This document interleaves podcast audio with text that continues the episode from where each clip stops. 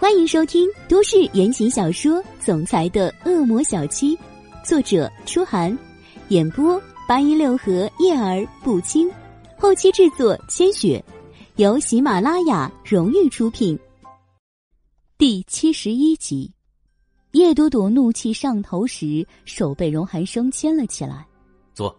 刘海清站在沙发边，抬手示意。袁木和那孩子的父亲看看荣寒生。见他落座后，才跟着坐下来。你怎么称呼？经过短短交锋，其他人在刘海清眼里已经可以忽略不计了，所以一落座，他便这么一问。这一问把叶朵朵惊出了一身冷汗，侧目看过去，只见荣寒生轻轻勾唇：“林，林，荣夫人的姓氏。”叶朵朵松了口气，她还真怕。在这个紧急关头，荣寒生还是天不怕地不怕的报出自己的名字来。林，刘海清盯着荣寒生念了一声，似是在思索他知道的人物中有没有姓林的人物。过了一会儿，他才又问道：“林先生，本地人？滨海。”荣寒生沉静的答道。雨声落下。就见刘海清脸色倏然一变，你是滨海人。刘海清那语气陡然阴沉，目光瞬间阴鸷如狼。叶朵朵的心提起来时，刘海清又问道：“滨海的荣家，你知道吗？”闻言，叶朵朵心里直呼完蛋了，看样子就知道这心里的仇还在。也是，断腕之仇，谁能忘啊？恐怕梦里都要疼醒的。他紧张的气都喘不过来，身旁荣寒生却只是轻笑：“当然，青哥都知道的事情，我身为滨海人，自然也是如雷贯耳。”哼。刘海清讥诮冷哼，垂目看了看自己那只没了手掌的手，语声阴冷的说道：“荣家声名显赫，想不知道确实很难。那位荣大少。”我倒是跟他有过几面之缘，那也算个人物。他这话句尾上扬，辨不清他到底是讥讽荣耀，还是别的什么意思。荣大少确实是个人物。荣寒生不咸不淡的答着，没有深谈下去。话到这里，门口有了动静，神经紧绷的叶朵朵慌忙回头，瞬间站起来，看到他们把孩子带了过来，就跑了过去。仔细。他的焦灼让人心疼，荣寒生跟着站起，目光远远触到叶子熙的身上，他的脸就沉了下来。不及多想，他迈开大步走了过去。妈咪，被保镖掐着的叶子熙软软的喊了一声，虽然没哭，但他现在的样子比哭还难看。小小的孩子，竟是带着伤，小脸肿了半边，眼角淤青。唇角还沾着干涸的血迹，头上也是同样有一块血迹，血迹干涸粘住了头发。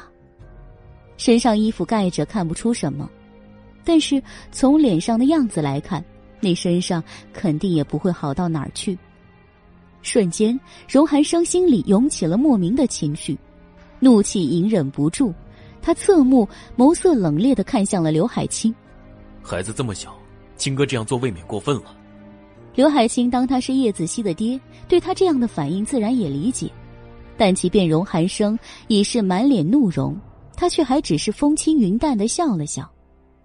哼，孩子是小，可他们做的事情可不小。林先生大概也是生意场上的人，我那个仓库里的东西价值可不止两千万。我之前可不知道这小鬼是林先生的儿子。一时气愤也是难免的，林先生应该理解我的心情。荣寒生也知道，此时再跟他扯这些也没用，瞪眼盯了他几秒后，就将目光转向了叶子熙。这时候，叶朵朵想抱孩子，可那保镖却猛地往旁边一闪，避开了。同时，旁边窜出两人，伸手将叶朵朵拦在了外面。林先生，刘海清开口。狭长的眼里尽是城府。林太太也别这么着急，人呢，我是带来了，不过这事可还没完。你什么意思？叶朵朵转身，愤怒的盯着刘海清：“钱都在这里了，为什么还不放人？”隐隐中，他心里有了一种不祥的预感，总觉得刘海清这个人并不满足这些钱。荣寒生虽然没有说话，可心里的感觉与叶朵朵是一样的。他看着刘海清，想了想，说道：“青哥可还是另有别的要求？” 刘海清笑了一声，说：“你明白事就是明白事。”他停了一下，阴森的目光扫了叶子熙一眼，才说：“这么说吧，我突然觉得，对于林先生这样的人物来说，一千万实在是太少了。这样吧，再加两千万，另外……居然还有另外！”叶朵朵气得七窍生烟。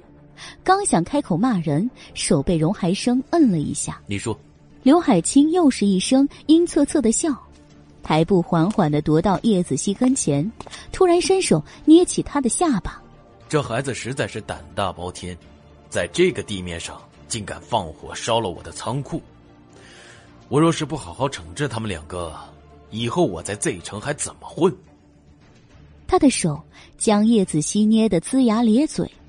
叶朵朵看了心疼，张口冲出一句：“你要下三千万还不够？不够，当然不够。”刘海清松了手，脸上竟是一副流氓无赖相。他看了叶朵朵一眼后，又看向荣寒生：“若我估计的没错，林先生，你的身价可不止三千万。既如此，这点钱对你来说也不算什么。而且，这地面上的人都知道，我亲哥做事。”也不光只看钱，钱要有，气我也得出。我的原则一向都是这样。荣寒生低眉，压了压心里的怒火，淡淡的问道：“你想怎么出气？”刘海清沉默了一会儿，目光突然迸出一丝狠光。很简单，这两个孩子，一人留下一根手指头，三千万送到，我立刻放人，以后。我也绝不再找你们的麻烦，啊？什么？这次不是叶朵朵，而是袁木和另外一个孩子的父亲同时惊叫出声。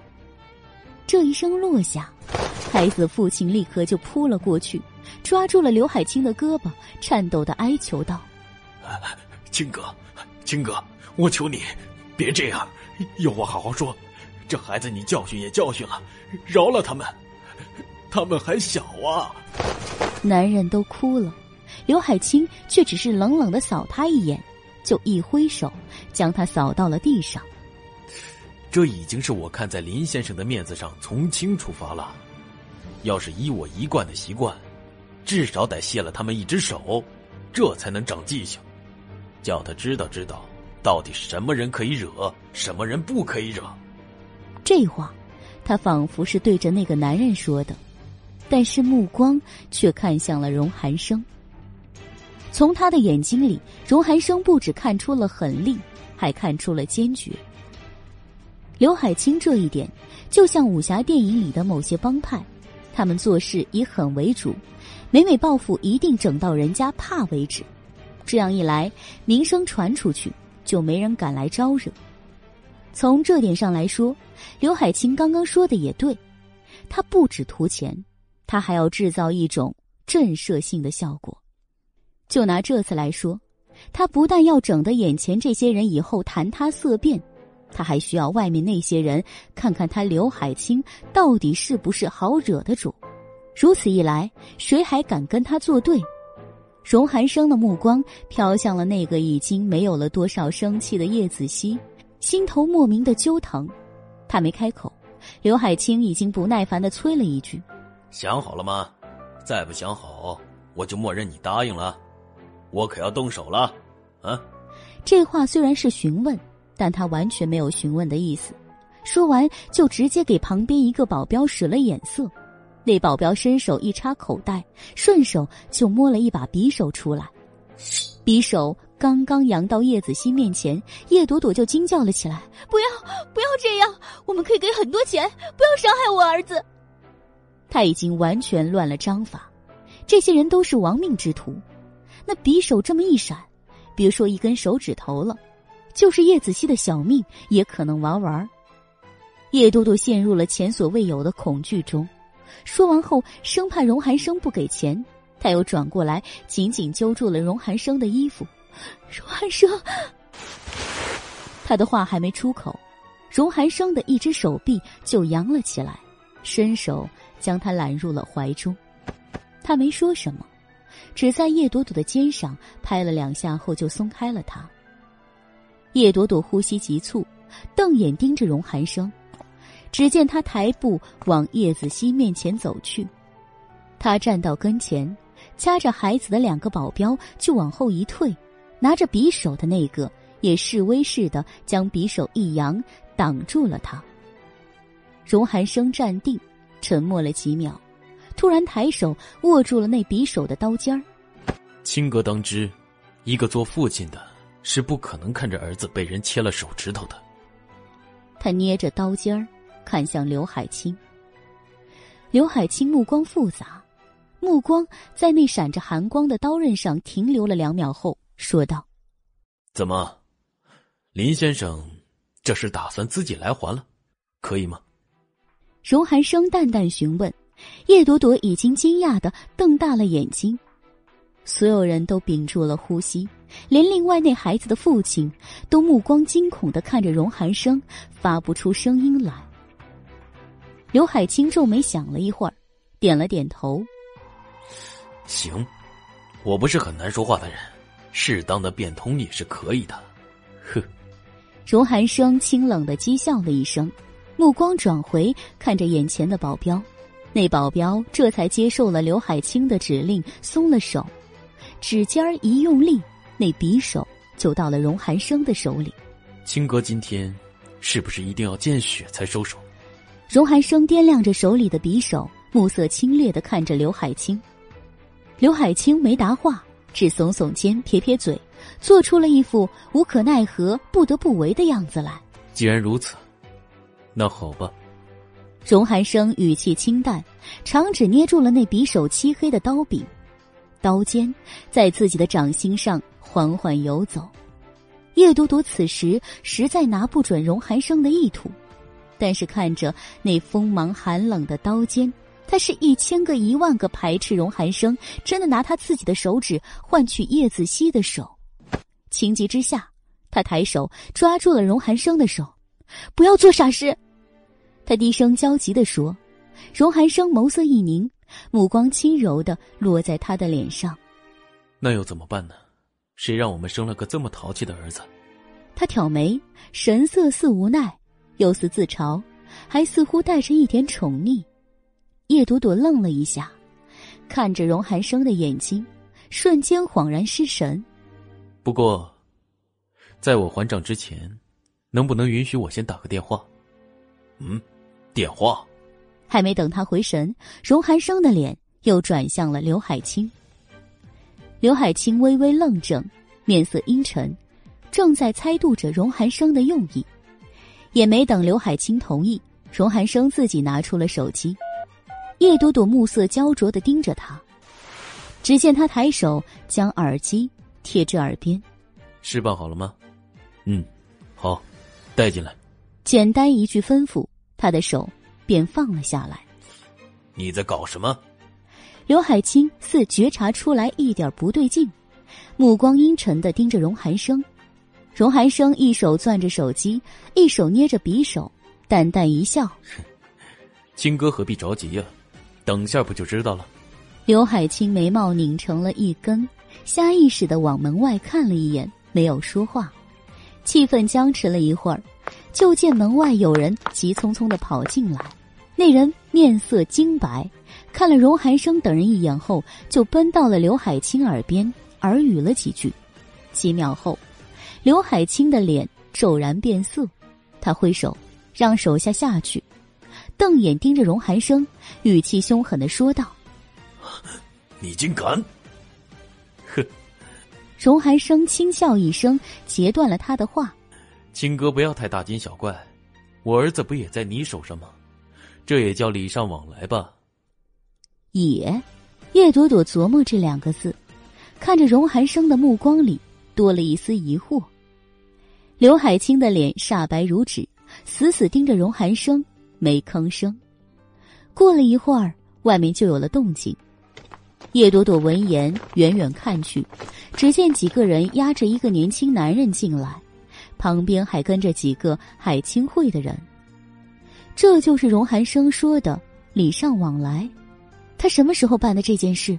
这男人又是谁？叶朵朵满脑子里都是疑问，但是她紧闭着嘴，一声都没吭。事儿到了这里。这个本是赖着他跑的男人，已经成了操控一切的那个人，成了他的主心骨。他已经无需再说什么了。爸，一声叫喊解开了房中几个人的疑惑。这个被夹来的年轻男人，竟是刘海清的儿子。这一声叫后，海清会的人全都围了上来，有人甚至已经跃跃欲试，想动手了。荣寒生侧目，淡淡一扫旁边，目光慢慢转回刘海清脸上时，他掂了掂手里的匕首。清哥现在还想要我，或者我儿子的一根手指头吗？你小子可太嚣张了！刘海清愤怒着，伸手指着荣寒生的鼻尖儿，厉声骂道：“荣寒生，挑起匕首，轻轻拍掉了他的手指。算不上吧，明明我很有诚意的带着钱来了，是你加价。”又要求剁手指，这到底是谁更嚣张？一句反问，让刘海清愣住了。事实上，这些年在 Z 城这个地盘上，还没有人这样跟他干过。他这个情绪都还没适应过来，荣寒生冷眼看着他，也没等他说什么，直接吐出了两个字：“放人，放人！”刘海清咬牙一声低吼：“你说放人就放人。”这是我的地盘，是我家。你，这个时候，一个人突然往他前面跨了一个箭步，接着做了一个让叶朵朵差点吓趴下的动作。只见那人手臂猛地一扬，一把小巧黑亮的手枪抵在了刘海清的太阳穴上，瞬间惊变，房中的空气似乎都凝结了一般。叶朵朵下意识的抓紧了荣寒生的衣摆。用略带敬畏的目光看他，荣寒生这时竟也低头看了他一眼，那眼里还跳跃着似乎有些调皮的光芒。丫的，这时候还很得意的跟他在炫耀，叶朵朵无语了。海清会中也有携枪支的，这时候自然都拔了出来，其中一把甚至对准了叶子熙的脑袋。叶朵朵看到这一幕，吓得几乎惊叫。荣寒生目光清冷扫过，转回看向已然被黑洞洞的枪口抵得面色金白的刘海清。青哥不用吓唬我，除非你今天想玉石俱焚。不过我相信你不想的。据我所知，你就这么一个儿子。今天要是真的动起手来，你和你儿子要是同时没了，刘家大概也就断子绝孙了。你说呢？说，这还用说吗？叶子熙一个，刘海清这边他和儿子两个，怎么看都是不划算的。刘海清眉头拧紧，脸沉如灰，沉默了一会儿后，他朝那个拿枪顶着叶子熙脑袋的人挥了挥手，那人放下手臂。叶朵朵朝叶子熙那耷拉的小脑袋看了一眼，这才松了口气。这时，刘海清开口：“你这个也该松开了吧？”他抬手拍了拍脑袋上的枪。荣寒生却只是一声冷笑回应：“哼，青哥是糊涂了吧？我儿子可还被你的人掐着呢。”刘海清瞬间皱眉，持枪的人同时手中用力，太阳穴又被一顶，他才不甘心的低吼了一声：“放人！”两个都放。荣寒生适时的补充了一声。刘海清气道：“你别太过分，你儿子还给你，那小子。”你还想干涉？哼，那又如何？现在主动权在我手上。荣寒生轻笑，气势金贵从容，摄人心魄。这句话说完，他就往叶子熙那方向瞟了一眼，目光凝在他额头上的血迹上，沉了沉。说起来，亲哥还是占了便宜，我儿子可是被你教训的不轻啊。说完，他又朝着刘海清儿子看了一眼，没人看到他使了什么眼色，他的手下却像心领神会一般，顿时抬起手，用枪托狠狠的在那男人头上敲了一下。啊啊！这刘少爷大概养尊处优惯了，这么一敲，顿时怪叫了一声。这一叫，叫疼了刘海清的心。打别人儿子，他下得了狠手；自己儿子被打，他就立即心疼上了。放人！刘海清立即喊了一声。荣寒生满意的笑了笑。这一声令下，马上就有人过去接叶子熙和另外那个孩子。儿子到跟前，叶朵朵一把抱了起来，焦急的问道：“你这臭小子怎么样了？还有哪里伤了？”叶子熙一到叶朵朵身上，就抱紧了她的脖子，看着妈咪担忧的脸，他撇了撇嘴，快哭了的说道：“妈咪，对不起。”这时候还知道说对不起，叶朵朵心一软，低头道：“这个回去说，现在告诉妈咪，还有哪里受伤？”没事，妈咪，我很好。好，能好吗？知道儿子是在安慰他，叶多多心里很不是滋味儿，上上下下看了一阵，确定除了几处外伤之外，没有更严重的伤势，他才稍稍放心，这口气松下来，他才转脸看了看正在等他报告结果的荣寒生，没事，得到了答复。荣寒生冷峻的脸稍稍缓和。感谢您收听都市言情小说《总裁的恶魔小七》，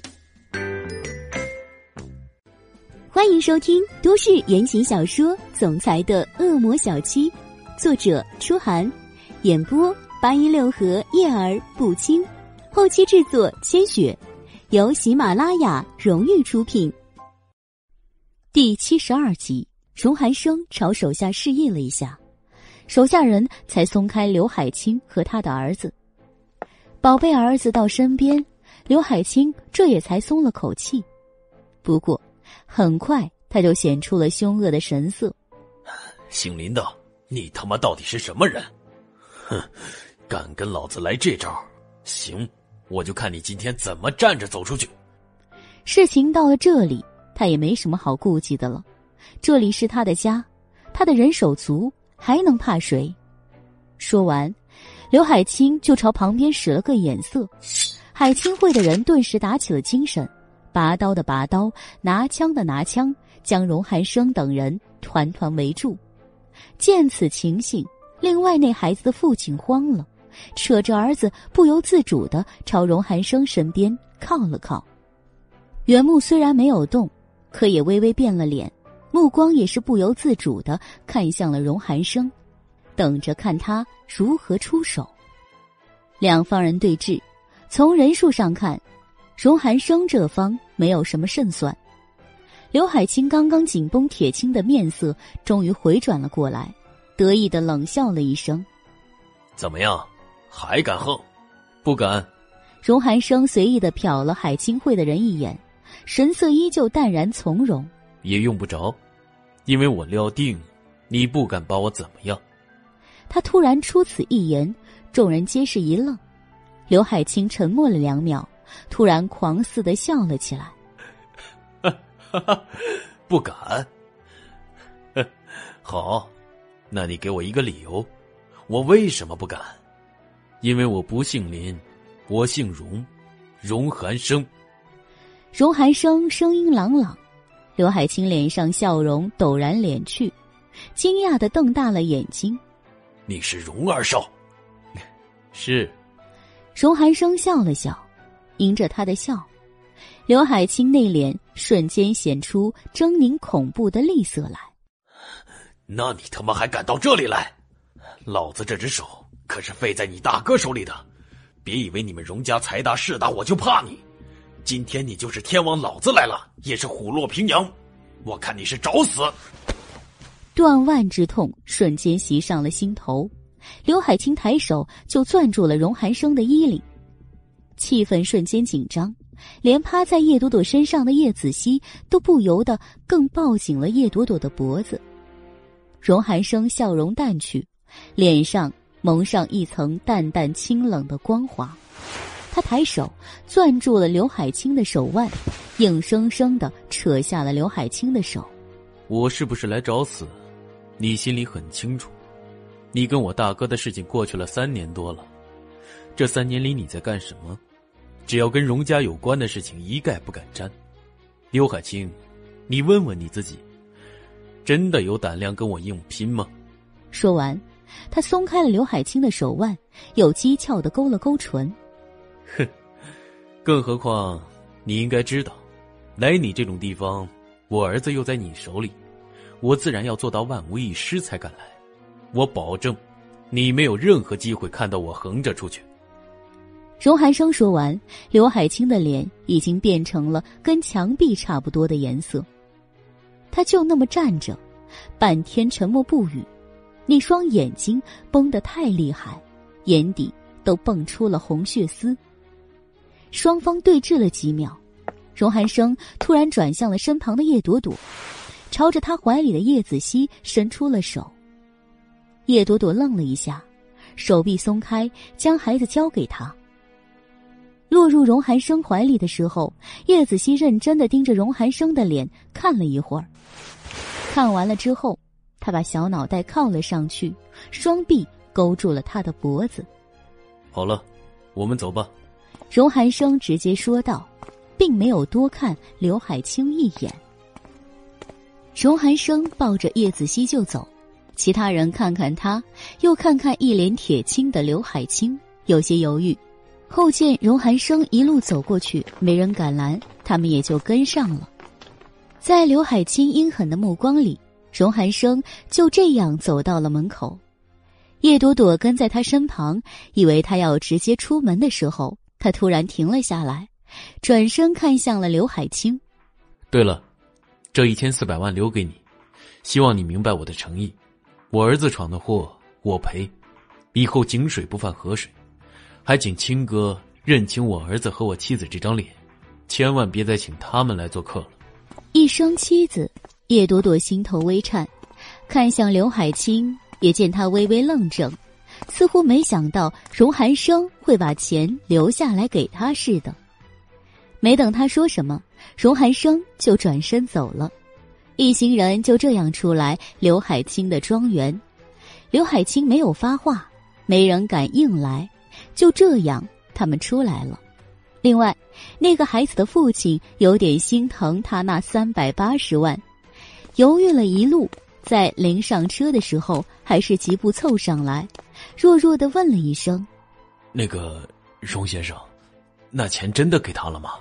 闻言，荣寒生站住，侧脸凉凉的睨着他：“这四百万是你买个教训的，好好教训自己的儿子。”惹事之前看看对方什么名号，别动不动就干以卵击石的蠢事。这孩子父亲一脸肉痛的表情，荣寒生没再理会他，直接走向了自己的车。他将叶子熙小心放进车里的时候，叶子熙怯怯的看了他一眼。很显然，“以卵击石”那四个字也是送给他的。这件事给叶子熙的打击不小。所以上了车之后，他也就耷拉着脑袋，坐在荣寒生和叶朵朵之间。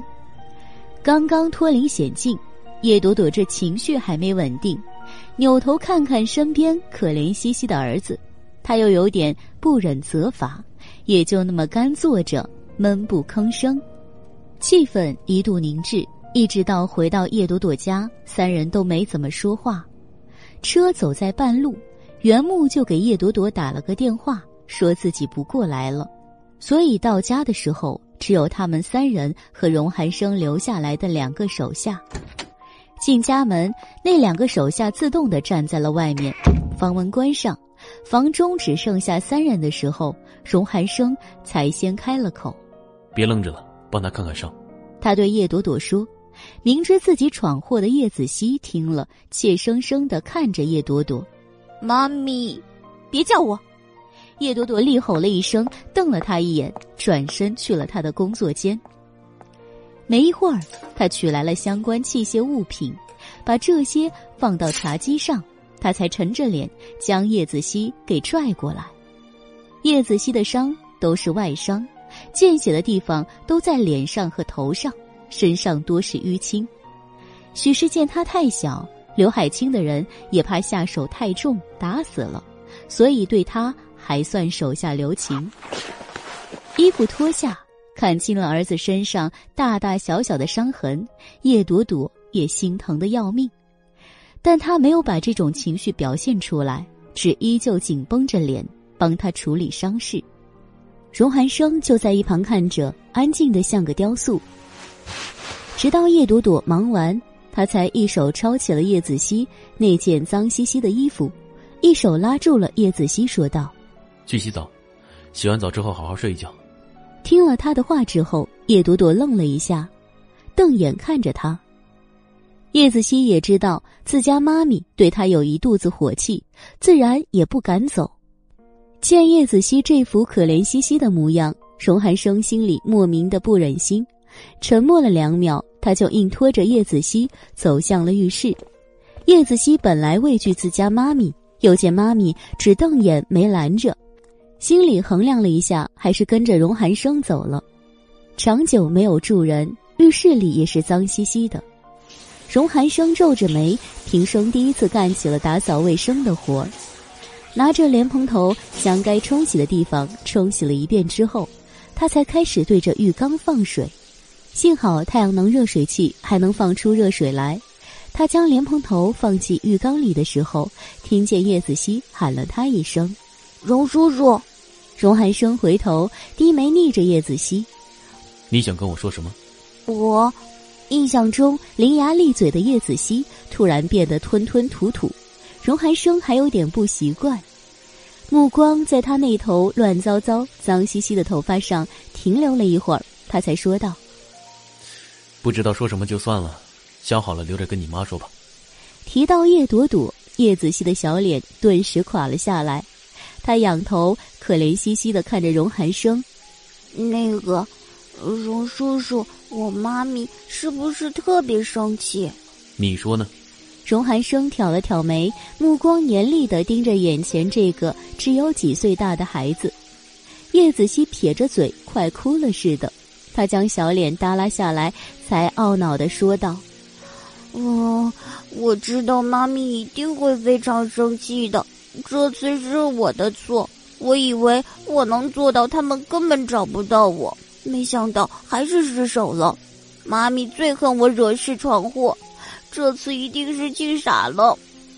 气傻了，荣寒生被噎了一下，有些好笑。你妈咪确实气傻了，不过她很快就会恢复过来。仔细你的屁股吧。宝，嗯，叶子熙皱脸哀嚎，仰头看着荣寒生，沉默了一会儿，没有说话。他虽然是闭着嘴巴，但是从他那双小眼睛里，荣寒生却读出了一点东西。你想求我干嘛？荣寒生皱眉，莫名其妙的就觉得自己又像一块肥肉，被这小子给盯上了。叶子熙抿着小嘴，耷拉着小眼睛，做可怜兮兮状。我能不能求你，等下妈咪打我屁股的时候，你来一下？我妈咪很凶哦，会打烂我的屁股。不能，荣寒生没好气的拒绝。叶子熙那张小脸瞬间就拉成了苦瓜脸。哦，荣叔叔，你刚才还说我是你儿子，所以呢？荣寒生有点不可置信的看着这个刚刚从人家枪口之下逃生的小东西，才脱离苦海，这就跟他谈上条件了。他绝对是多此一举把这小东西弄出来了。嗯，一定是。荣寒生在这里自我否定的时候，叶子熙的话也又接上了。因为你认我当儿子，就有义务要罩着我呀，一点好处都没有。我不是吃亏了吗？白让你叫儿子了呀。感情他还吃亏了。叶子熙，荣寒生觉得他需要跟这个小萝卜头好好讲讲道理。你要搞清楚，我是去救你，而且我扔了一千万进去，现在叫你一声儿子，明显是你沾光了。一千万，叶子熙仿佛想起什么似的，歪了小脑袋。荣寒生还没琢磨透，他那目放金光是个什么鬼，就见他又摆出那副可怜兮兮的样子来。荣叔叔，说到钱的话，那个，你那么有钱，应该不会跟我妈咪要这个一千万吧？荣寒生又愣了。荣叔叔，叶子熙又甜甜的喊了一声。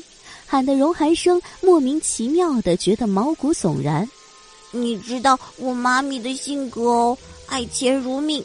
你要是问他要这笔钱，他一定会更生气。他更生气，就一定会揍我，揍得更厉害。荣叔叔，你行行好，那点钱你就别要了，不然我的屁股一定会开花的了。荣寒生被自己堵在嗓子里的那口凉气给呛了一下。干咳了两声，所以，我今天这趟算是白处理，还白扔钱了，是不是？荣寒生盯着叶子熙，觉得这孩子实在好笑，便起了逗他的心思。他本是顺着叶子熙的话，随口甩了这句出来，却没想到叶子熙眨了眨两只晶亮的小眼睛之后，竟回了这样一句话：“肯定不会呀，我会帮你呀。”你喜欢我妈咪对不对？没问题，包在我身上了。我会对我妈咪进行潜移默化的影响。虽然她那个人在这个问题上像块石头那么硬，那么不开化，但是有我的帮助，肯定比你干着急好哦。那你说，你这一千万扔的值不值啊？荣寒生心里其实很想说值，但是瞧着这小鬼这副模样。他又忍不住的朝他投去了凉凉的目光。你帮我的事情，我们可以以后再谈。现在水放好了，进去洗澡。洗过澡了，自己钻房间睡觉，不要出来，否则你妈咪怎么招呼你，我不负责了。一听这话，叶子熙的小脸顿时笑开了花。咦，这么说你会拦着我妈咪不打我了？不一定。荣寒生脱了他的衣服，严肃的盯着他的脸。你妈咪的暴脾气，你懂的。哦，叶子熙哀嚎一声，荣寒生憋着好笑，没理他，将他抱起来放进了浴缸里。因他还带着伤，荣寒生就充当起了洗澡工这个角色。这个澡洗的并不轻松，要避开他的伤处，还要把他彻底的收拾干净。第一次看这种活的荣寒生，忙了半个小时才算小有成就。他拽了干毛巾给叶子熙擦身的时候，叶子熙也盯着他，小眼睛里多了几分复杂的目光。荣叔叔，要不然你就给我当爸爸算了，感觉你很靠谱啊。他的手顿了一下，擦拭的动作停了，目光凝在叶子熙那张终于干净的一点小脸上。想了想，他问道：“你就一点不期待你亲生的父亲？期待他干嘛呀？又不是什么好人，我才不要我妈咪再跟他在一起。”见叶子熙一脸的嫌弃，荣寒生愣了一下，刚想开口问他为什么这么讨厌他亲生父亲，浴室的门就被拧开了。叶子熙，你鬼扯什么呢？怎么你还不老实吗？是不是现在就想讨顿打？叶朵朵阴着脸，扬起了拳头。叶子熙从来天不怕地不怕，就怕老妈的拳头。再加上今天犯了错，心虚，立即就下意识的扯了荣寒生的胳膊，瞬间就闪他身后去了。这会儿功夫就跟荣寒生打成一片了。叶朵朵心里瞬间莫名的吃醋起来，眼眸一瞪，她便没好气的厉吼一声。洗过了澡，你给我滚出来！今天的事情，我们好好说清楚。不要吧，妈咪！荣叔叔刚才说我可以去睡觉的，睡完觉再检讨行吗？妈咪怒气正盛，她不想屁股开花呀。再说，她真的知道错了，完全不用妈咪揍屁股就知道错的多么严重了。这次的事情，她实在是太轻敌、太莽撞了。知道这个人不好惹，他还偏偏不信邪，总觉得自己什么都很牛逼，完全不会被抓。结果呢，想到被抓后的叶子熙，就恨不能先抽自己几个嘴巴子。不过，虽然他自己觉得已经深刻认识到了错误，但他也知道，按照他妈咪一贯的教育方针，这顿打肯定是跑不掉的。打肯定是要打的，迟点打对他又有利一点最好能过一晚，第二天早上妈咪的气就没那么大了嘛。这是叶子熙的小心思。荣寒生一见他这副样子，好气又好笑。他本不想干涉叶朵朵教育儿子，又一想到叶子熙毕竟年幼，毕竟刚刚历劫归来，身上还带着伤，望着躲在身后那张可怜兮兮的小脸，荣寒生动了恻隐之心。感谢您收听都市言情小说《总裁的恶魔小七》。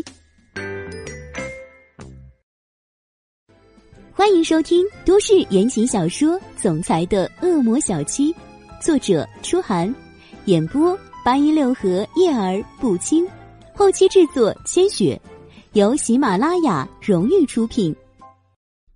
第七十三集，荣寒生一揽叶子熙光溜溜的小肩膀，抬眼看着叶朵朵，眼中多了一抹柔光。算了，他也吓坏了，先让他休息一晚。晚上再说吧。你护着他。叶朵朵见这两人父慈子孝的模样，瞬间觉得自己被忽视了。荣寒生低头看了叶子熙一眼，朝他眨了眨眼之后，就转了身，将还是光溜溜的他抱了起来。他刚刚已经认我当爹了，我当然要护着他。荣寒生故意轻笑，叶朵朵愣了一下。瞪眼盯着被抱着从他面前飘过去的叶子熙，几秒后，那两父子都快进卧室门了，他才爆吼出一句：“叶子熙，你个墙头草！”说什么要跟他爹好好较量一番，说什么不喜欢他爹，结果呢，就他一次，自己就跑去认爹了，真是棵墙头草。荣寒生没有理会叶朵朵的叫嚣，将叶子熙安顿到床上之后，才关了房门，转身出来。出来后，他也没理会站在客厅气得跳脚的叶朵朵，而是拿了电话，直接打电话给外面的助理，让他们找个家政过来收拾屋子。这些都安排好了，他才走向那个已然把怒气都朝向了他的小女人，叶朵朵。在某人的怒气还没丢过来之前，荣寒生就开了口：“首先，我很支持你把那小鬼暴打一顿。”一脸怒容的叶朵朵一听这话，呆了一下，她皱皱眉，没说什么。荣寒生回头看了一眼那紧闭的门，脸上微微露出一丝笑意，转回头来，他又话锋一转：“但是打人是需要力气的，我建议你先好好休息一晚。”明天早上起来打起来更顺手。此刻，若是那个在床上睡觉、翻来覆去睡不安稳的叶子熙听到这话，内心一定是极其崩溃的。叶朵朵听他这么说，好气又好笑，瞪了叶子熙的房门一眼，朝荣寒生说道：“你也对那孩子的父亲说了，干了这种以卵击石的蠢事，就要好好教训。你还护着他，真是没有原则。”他语气不重，略带嗔怪。荣寒生挑挑眉，下巴微微一扬：“子熙比他小，想不清楚问题很正常。你这护短未免太明显了一点。事实，你五岁的时候除了捣蛋，还能想明白什么？”荣寒生反问了一句，说完就转身晃去沙发那边了。叶朵朵跟着追来，嚷嚷道：“荣寒生，你脑抽了是不是？那哪能一样呢？”我捣蛋，我顶多也就是抓个虫子塞同学的文具盒里。他呢？他在干什么？人家的仓库都烧了，给他安了个膀子，他都能上天。说的气又来了。不过荣寒生嫌他略聒噪，又说道：“还有，一千万砸进去，他不得负点责任吗？闯了这么大祸，他还有理由了。那钱是我的，你可以以为我钱多无所谓。”荣寒生已坐了下来。姿势慵懒的靠在沙发上，斜斜的睨着正在他身旁叽叽喳喳的女人。叶朵朵瞪了他一眼，低骂了一句：“土豪。”这句说完，他气得糊涂的脑子里突然闪过一道金光来，瞬间他就扑了过来，歪坐在荣寒生的旁边，瞪眼瞧着他。所以，你的意思是，你不屑于问我要这点小钱了？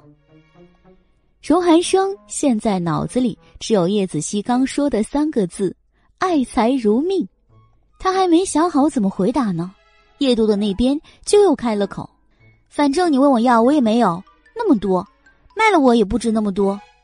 如果下次你找我看病，我给你打折，给你算。”叶朵朵，荣寒生心情不美的喝止住了他的这个话。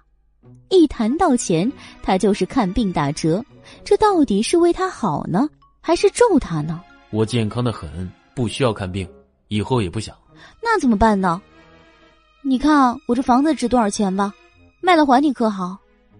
这话从他满不在乎的表情来看，都是随便说说的。荣寒生轻审了一下，正准备开口，身旁的那个女人又凑近了一些。不过，你为什么非要把钱留给那个刘海清呢？当时我看他，好像有点怕你的样子。钱一提走人不就完事了吗？对他那种人，难道还需要讲什么情面？某人小脸很是不屑，荣寒生侧目睨着他，看了两秒，脸突然凑了过来，距离两厘米的朝他喝了一口热气。叶小姐，如果不是为了救你儿子，讲真，刘海清那种不要命的角色，我一点也不想去沾染。狗急跳墙，你懂吗？凡事留个后路，难道你想以后每天提防着海清会的人追杀？那不也是你的儿子？叶朵朵心里嘀咕了一声，又觉得扑面而来的气息有点灼人，她朝后避了避。这么说，你还是怕他喽？绝对没有。这一句，荣寒生答得坚定，眉宇间还带着一抹傲气凛然。怕事跟不想惹事之间是有差别的，能用钱解决的麻烦，何必让他留着？他可是黑恶势力，你这在纵容。叶朵朵张口一句。说的斩钉截铁，仿佛瞬间成了正义的化身。瞧他那小腰挺直、眉目清朗、正义凛然的样子，荣寒生不由得轻笑出了声。瞧你这意思，我应该学你儿子，一把火把人家仓库给烧了，然后等着人家满世界的找我报仇。叶朵朵没词儿了，不是不知道说什么，而是对着荣寒生这张得意的脸。他突然脑补出了一幕他们父子相认之后的画面。要是荣寒生知道他现在满满鄙夷的那个小鬼就是他自己的种，想必他的内心也是崩溃的。心里好笑，脑中灵光一闪，他又有些抽风了，身体倾斜凑过去，他就问了一句：“荣寒生，我问你个问题呗。”说：“嗯。”如果你要有个叶子熙那种爱闯祸的儿子，会怎么样啊？叶朵朵微抬着脸，眼中星光闪烁，表情十分的认真。你怎么这么问？荣寒生皱眉，心头爬过一丝奇奇怪怪的感觉。没什么呀，我就是想知道，你会怎么教育孩子，我跟着学学呗。叶朵朵随口扯了一句。荣寒生看着他，很认真的想了一下这个问题，最后是这样说的：“打烂他屁股。”啊，我无比赞成。叶子熙呀，这可是你爹说的哦，呵呵哒，怪你没找个好爹。房间里睡着的那个当然不知道，他爹妈现在正在客厅里研究打烂他屁股的事情。因为之前在海清会几乎没睡，这一夜哪怕身上的伤还在疼，叶子熙也是睡得极沉的。清晨醒来的时候，太阳已经快晒到屁股上了。鉴于还记得自己犯了错误要去找妈咪道歉的事情，叶子熙醒了之后也不敢在床上多磨叽，就翻身下了床，走到门口，他特地停了一下，扒在门上听了听动静。平时这个点儿，母上大人一定起来了。今天会不会已经在摩拳擦掌，要修理他了？叶子熙心里怕怕的，趴了一会儿没听到动静，他又皱起了小脸。没声啊，人呢？哦，对了对了，他的小脑袋里突然想到了一个问题，这个问题让他呆了三秒左右。回神之后，他立即拽开了房门，奔了出去，目光扫视一圈，视力所及范围之内都没人。他站在客厅里，很快锁定了一个目标，犹豫了两秒，他朝着那个目标奔了过去。没一会儿，他就站在了一扇房门前，瞪眼盯着乳白色的门瞧了一会儿，他伸手攥住了门把手，悄悄的用力拧开了。几秒钟之后，叶子熙呆呆的望着自家妈咪的床，在他贫瘠的人生经验中，这是第一次看见自家妈咪跟一个男人贴得这么近，太近了，都搂一块儿去了好吗？妈咪说好的矜持呢？再说，咱不是说好了吗？你只有我这个小男人，那床上这个老男人算怎么回事？叶子熙觉得他的地位受到了前所未有的威胁，就好像喜欢吃的糖果突然被人抢去了，感觉很心塞。小脸瞬间拉长，默默的站了一会儿，他又悄悄的挪到了床边，站在了荣寒生这边。前次的事情和这次事情加起来，他心里给这个男人的分数，已经从六十分提到了八十分。要是做爸爸的话，也勉强，很强大，可以保护妈咪，看上去对妈咪也不错，关键时候顶用，加分。所以呢，霸占妈咪的床，这次就原谅他吧。叶子熙心念电闪，很快就把情绪调整过来了。嗯，好像他应该退出去了，这样的场面看多了，真是不合适的。他还小。小眼睛一捂，他立即转身往外走。哪知越急越乱，他踢到了床边荣寒生的鞋。他穿着拖鞋走得急，这一踢就被绊了一下。虽然没摔成狗啃泥，但却弄出了惊天动地的响声。荣寒生浅眠，这一声立刻惊醒了。叶子熙惊觉闯祸之后，本能的朝床上看了一眼。这一眼就碰到了荣寒生的眼睛，呃，小家伙惊了一下，第一反应是不好意思，但是又一想，好像不对，不好意思的应该是荣寒生，不是吗？这么一想，他又把小腰挺直了，瞪眼瞧着荣寒生，撇撇嘴：“荣叔叔，你是不是睡错地方了？”有吗？荣寒生动了动身，语声慵懒，似乎还没睡够。好像有，我以为你应该睡书房或者客厅。叶子熙扯出了一副本宝宝不高兴的表情，看着荣寒生。荣寒生侧目看了看身边还睡得很沉的某人，轻声的说道：“嗯，我本来是睡在客厅的。那你是自己爬来的？算是吧。”荣寒生伸手抚了抚额头，倦容未散，看了看叶子熙之后，又说道。你说完了吗？说完的话，请出去。昨晚为了救你，太累，我还需要再睡一会儿。啊！叶子熙皱眉，荣叔叔，你很嚣张哎！这种时候，他不是应该来好言哀求自己，然后给自己各种好处，收买自己吗？画风为什么不对？叶子熙小脸皱巴到了一起，又一次感觉自己的地位直线下降了。察觉到小东西两道敌视的目光，荣寒生也跟着皱了皱眉。叶子熙同学，你要是想让你妈咪早点醒来揍你屁股，那你继续在这里嚎。呃，不了，我不打扰你们了，好梦。叶子熙愣了两秒，转身低头往地上看了一眼，避开了那双鞋子，闪人了。回到客厅之后，叶子熙坐在沙发上。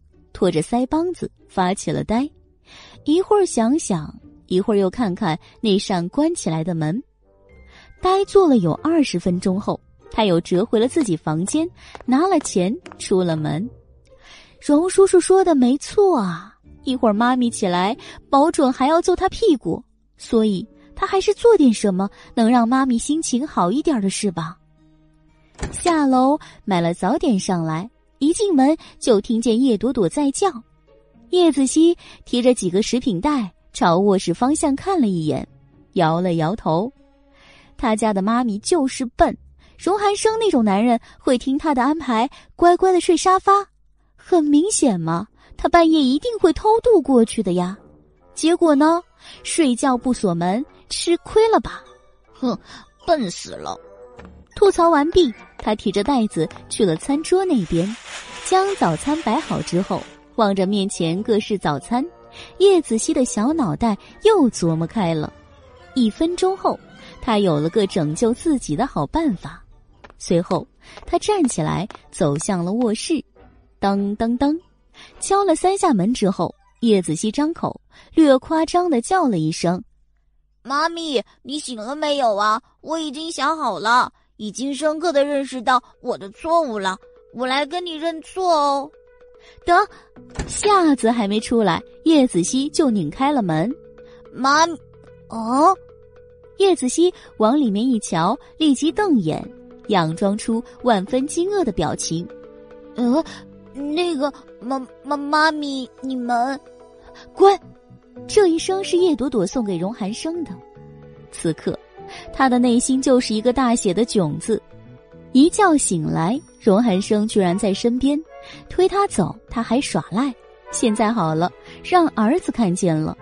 叶朵朵一脚蹬开了荣寒生，翻身坐起来，脸色微微尴尬，冲着叶子熙说道：“先出去。”“哦，不该看的别看，我懂，我这就出去。”叶子熙立即捂眼，转身跑出。跑到门口又站住，背对着叶朵朵，手依旧捂住眼睛，嚷嚷道：“你放心哦，我绝对不会告诉别人，绝对不告诉别人你跟男人上床哦。只要你不打我屁屁，我绝对不说，我保证。”叶子熙，一只枕头扔过来，叶子熙慌忙逃了，那枕头最后落在了门口。叶朵朵这气还没消呢，就听旁边的男人已轻轻笑出了声。睡饱了的荣寒生气色佳，精神好，笑起来目光潋滟，灿如朝阳。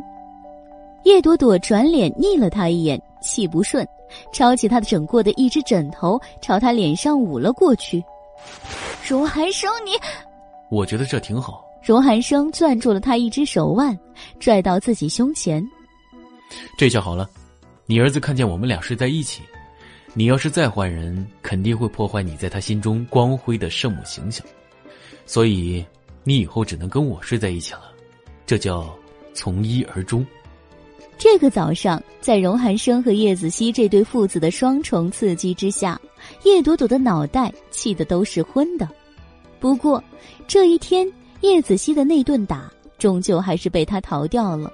叶朵朵扬起巴掌的时候，他就提他和男人睡觉的事情。荣寒生在一旁又笑又拦。总之，最后这顿屁股就不了了之了。这一天到晚上的时候，荣寒生的手下送来了三张机票。叶朵朵看到那张儿童票的时候，呆了一下。荣寒生的意图很明显，要把他和叶子熙一起拎回滨海去。见他迟疑。荣寒生还给了他一个完全无法拒绝的理由，除非你想你儿子再烧一次黑社会的走私品仓库，好吧？叶朵朵承认这句话戳心窝了。叶子熙这种熊孩子就要带在身边好好管教，否则迟早弄出更不好收拾的场面来。鉴于这一点，他认同了荣寒生的决定，没再说什么。决定了要走之后。叶朵朵带着叶子熙去了一趟原木那里，当然身边还跟着荣寒生。他本不想带他，可荣寒生哪能听他的指挥？嘴上说着可以不去，结果到了地方，他前脚下车，他的车后脚就跟来了。这就是某人无赖的个性，他已无力吐槽。一家三口一起出现，原木的心情可想而知。叶朵朵也知道这两个男人各怀心思，所以也没长待，只把要带叶子熙去滨海的事情跟袁木说了一下。袁木想挽留，又一想，这次叶子熙遇险的事情，他也有监护不周的责任，也就没理由再说什么了。会面持续了不到半个小时，送他们出门的时候，袁木找了个机会，悄悄的凑近叶朵朵，问了一句。荣寒生是不是叶子熙的亲生父亲？对于这一点，叶朵朵浅笑未答，那目光分明又是默认的意思。袁木当即脸色变了变，叶朵朵知道他心里一定不好受，却没有说什么。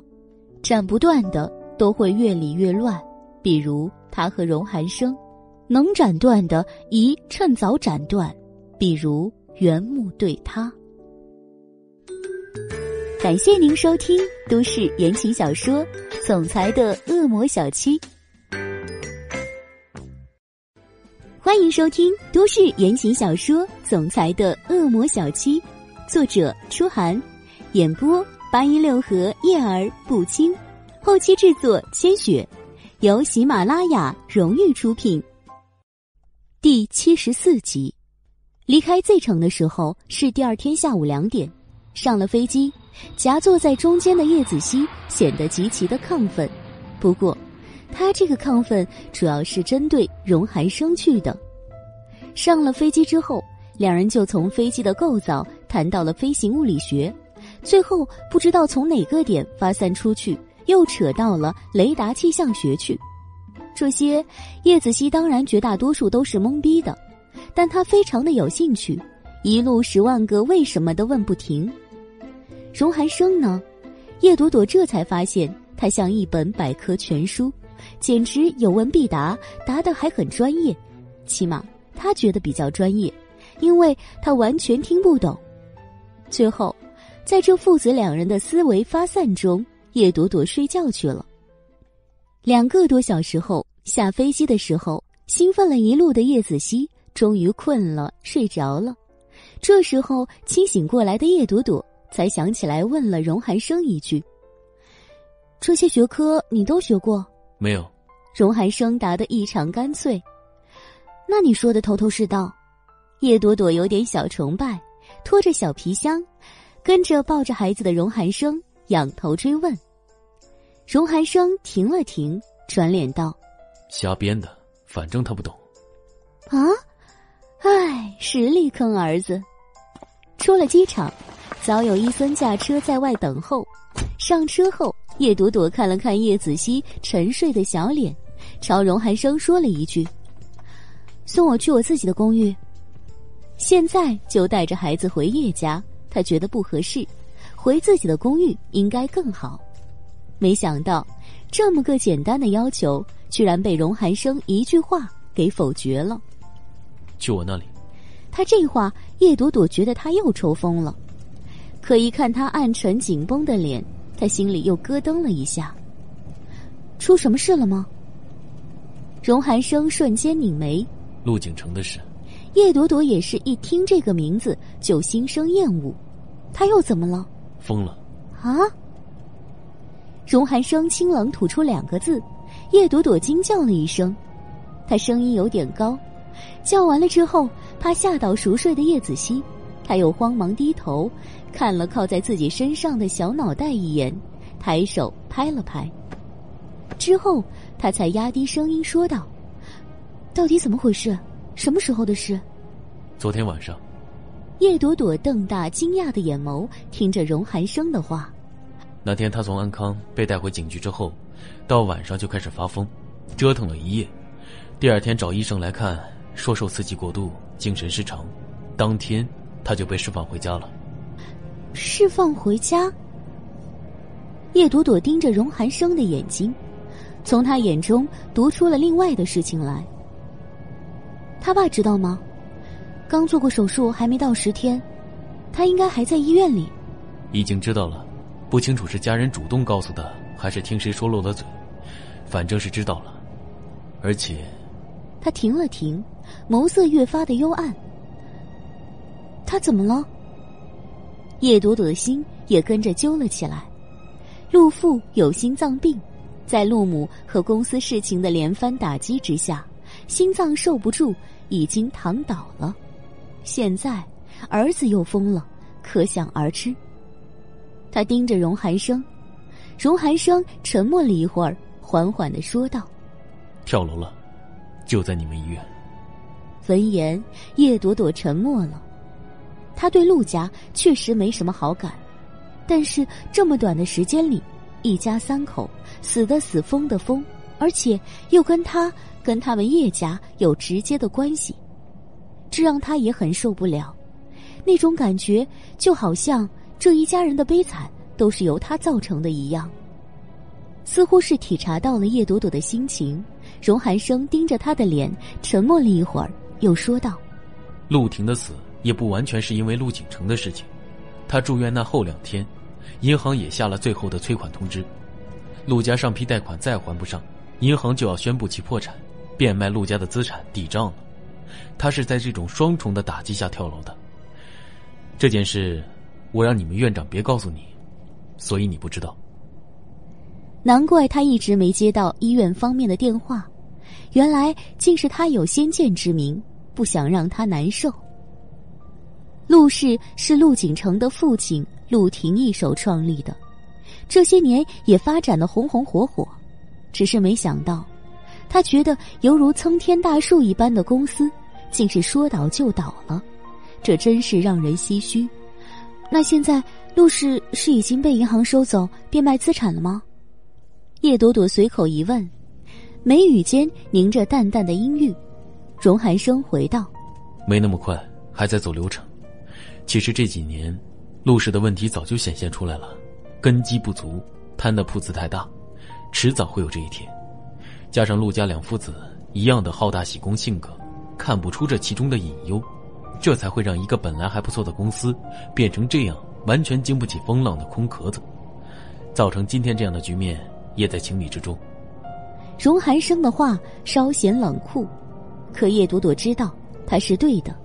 商场如战场，一个决策的失误都会导致满盘皆输。说来说去都是自己能力不足，怨不得别人。只是想想，陆家这些事，即便已经到了这个地步。那跟他现在还有什么直接的关系吗？为什么他因此不可以回自己的公寓去？你是不是还有没说完的？叶朵朵问道。荣寒生对上他的目光，点了点头。没错。陆婷跳楼之前丢了一封遗书，上面说他们陆家有今天，很大程度都是由叶家而起，尤其是他儿子陆景城，就是被你们陆家逼疯的。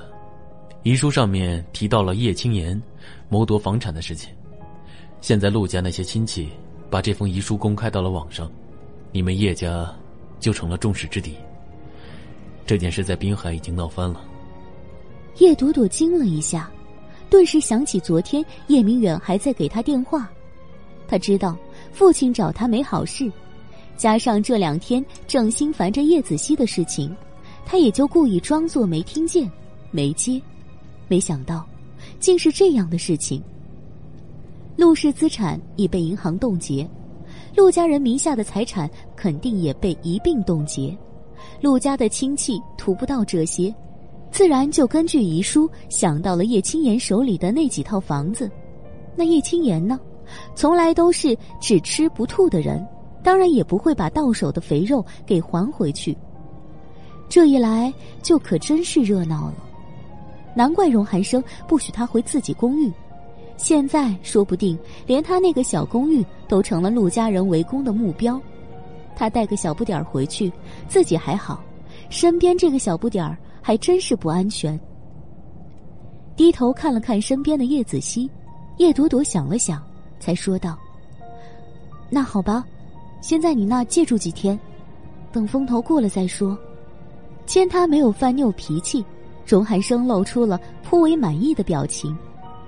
一路上，因为听了这些事，叶朵朵的心情有点低沉，一路也没说话，就到了荣寒生的别院。到地方的时候，叶子熙醒了，爹妈刚才的谈话他一句没听见，醒了之后见了新鲜地方，他又来了劲儿。只在三层小楼上上蹿下跳，没有一刻是安分的。叶朵朵刚开始觉得他在别人家这样没有规矩，呵斥了几句，无奈荣寒生又在旁边起了和稀泥的反作用。最后，叶子熙竟毫无节操的跟荣寒生站一起去了，龇牙咧嘴的朝他示威，只说这是荣叔叔的地方。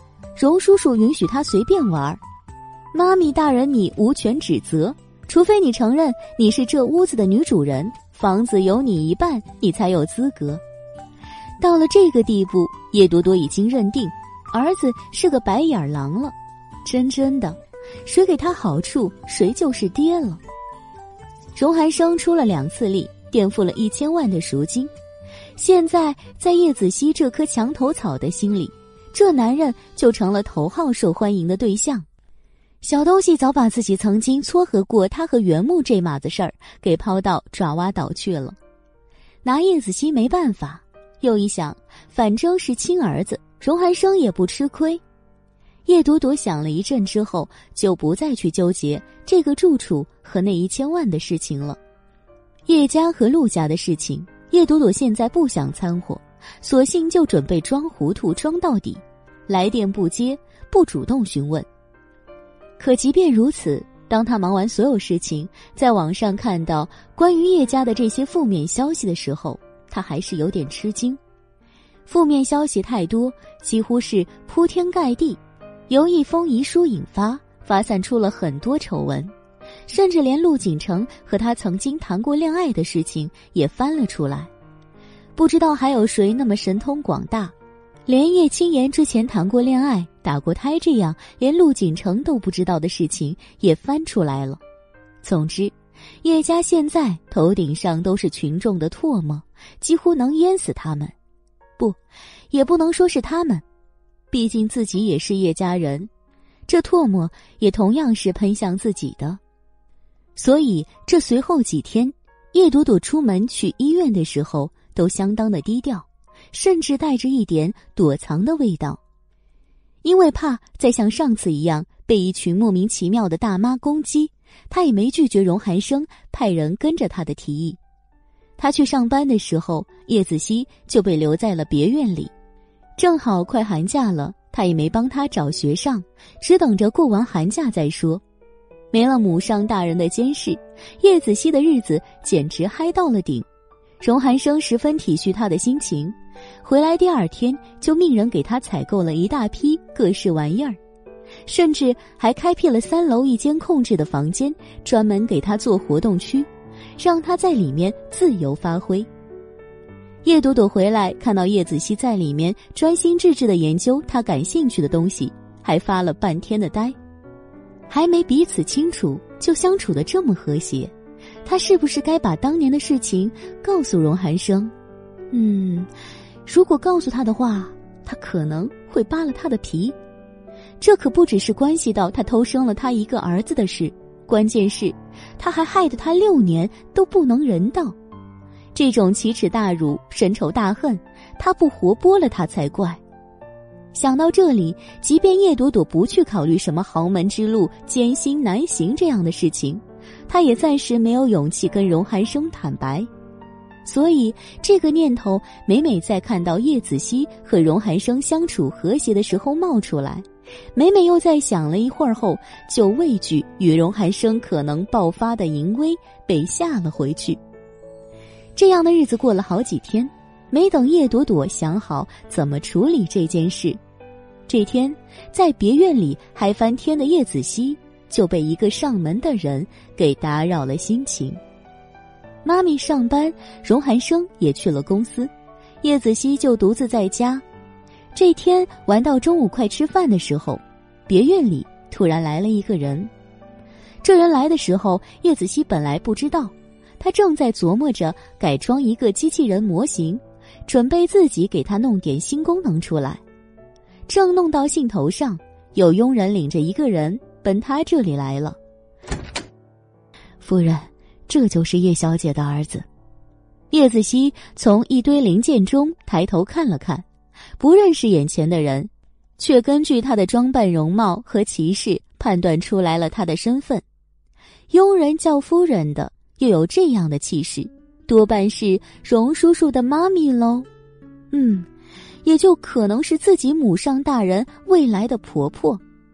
猜测出了这个身份之后，叶子熙就从零件堆里站了起来，扬起了甜甜的笑容，冲着站在门口的人喊了一声：“奶奶好，奶奶。”这软糯的两个字像一记软拳，把林芳如给击了一下。林芳如这次是带着怒气来的。荣寒生突然丢下集团的事，跑去 Z 城，他用头发梢都知道这是为了叶朵朵的事情。打了电话，荣寒生在那边不咸不淡的应付，弄得他满肚子怒气没地方发。再加上叶家最近出了这些事，他对叶朵朵的印象分更是跌到了谷底。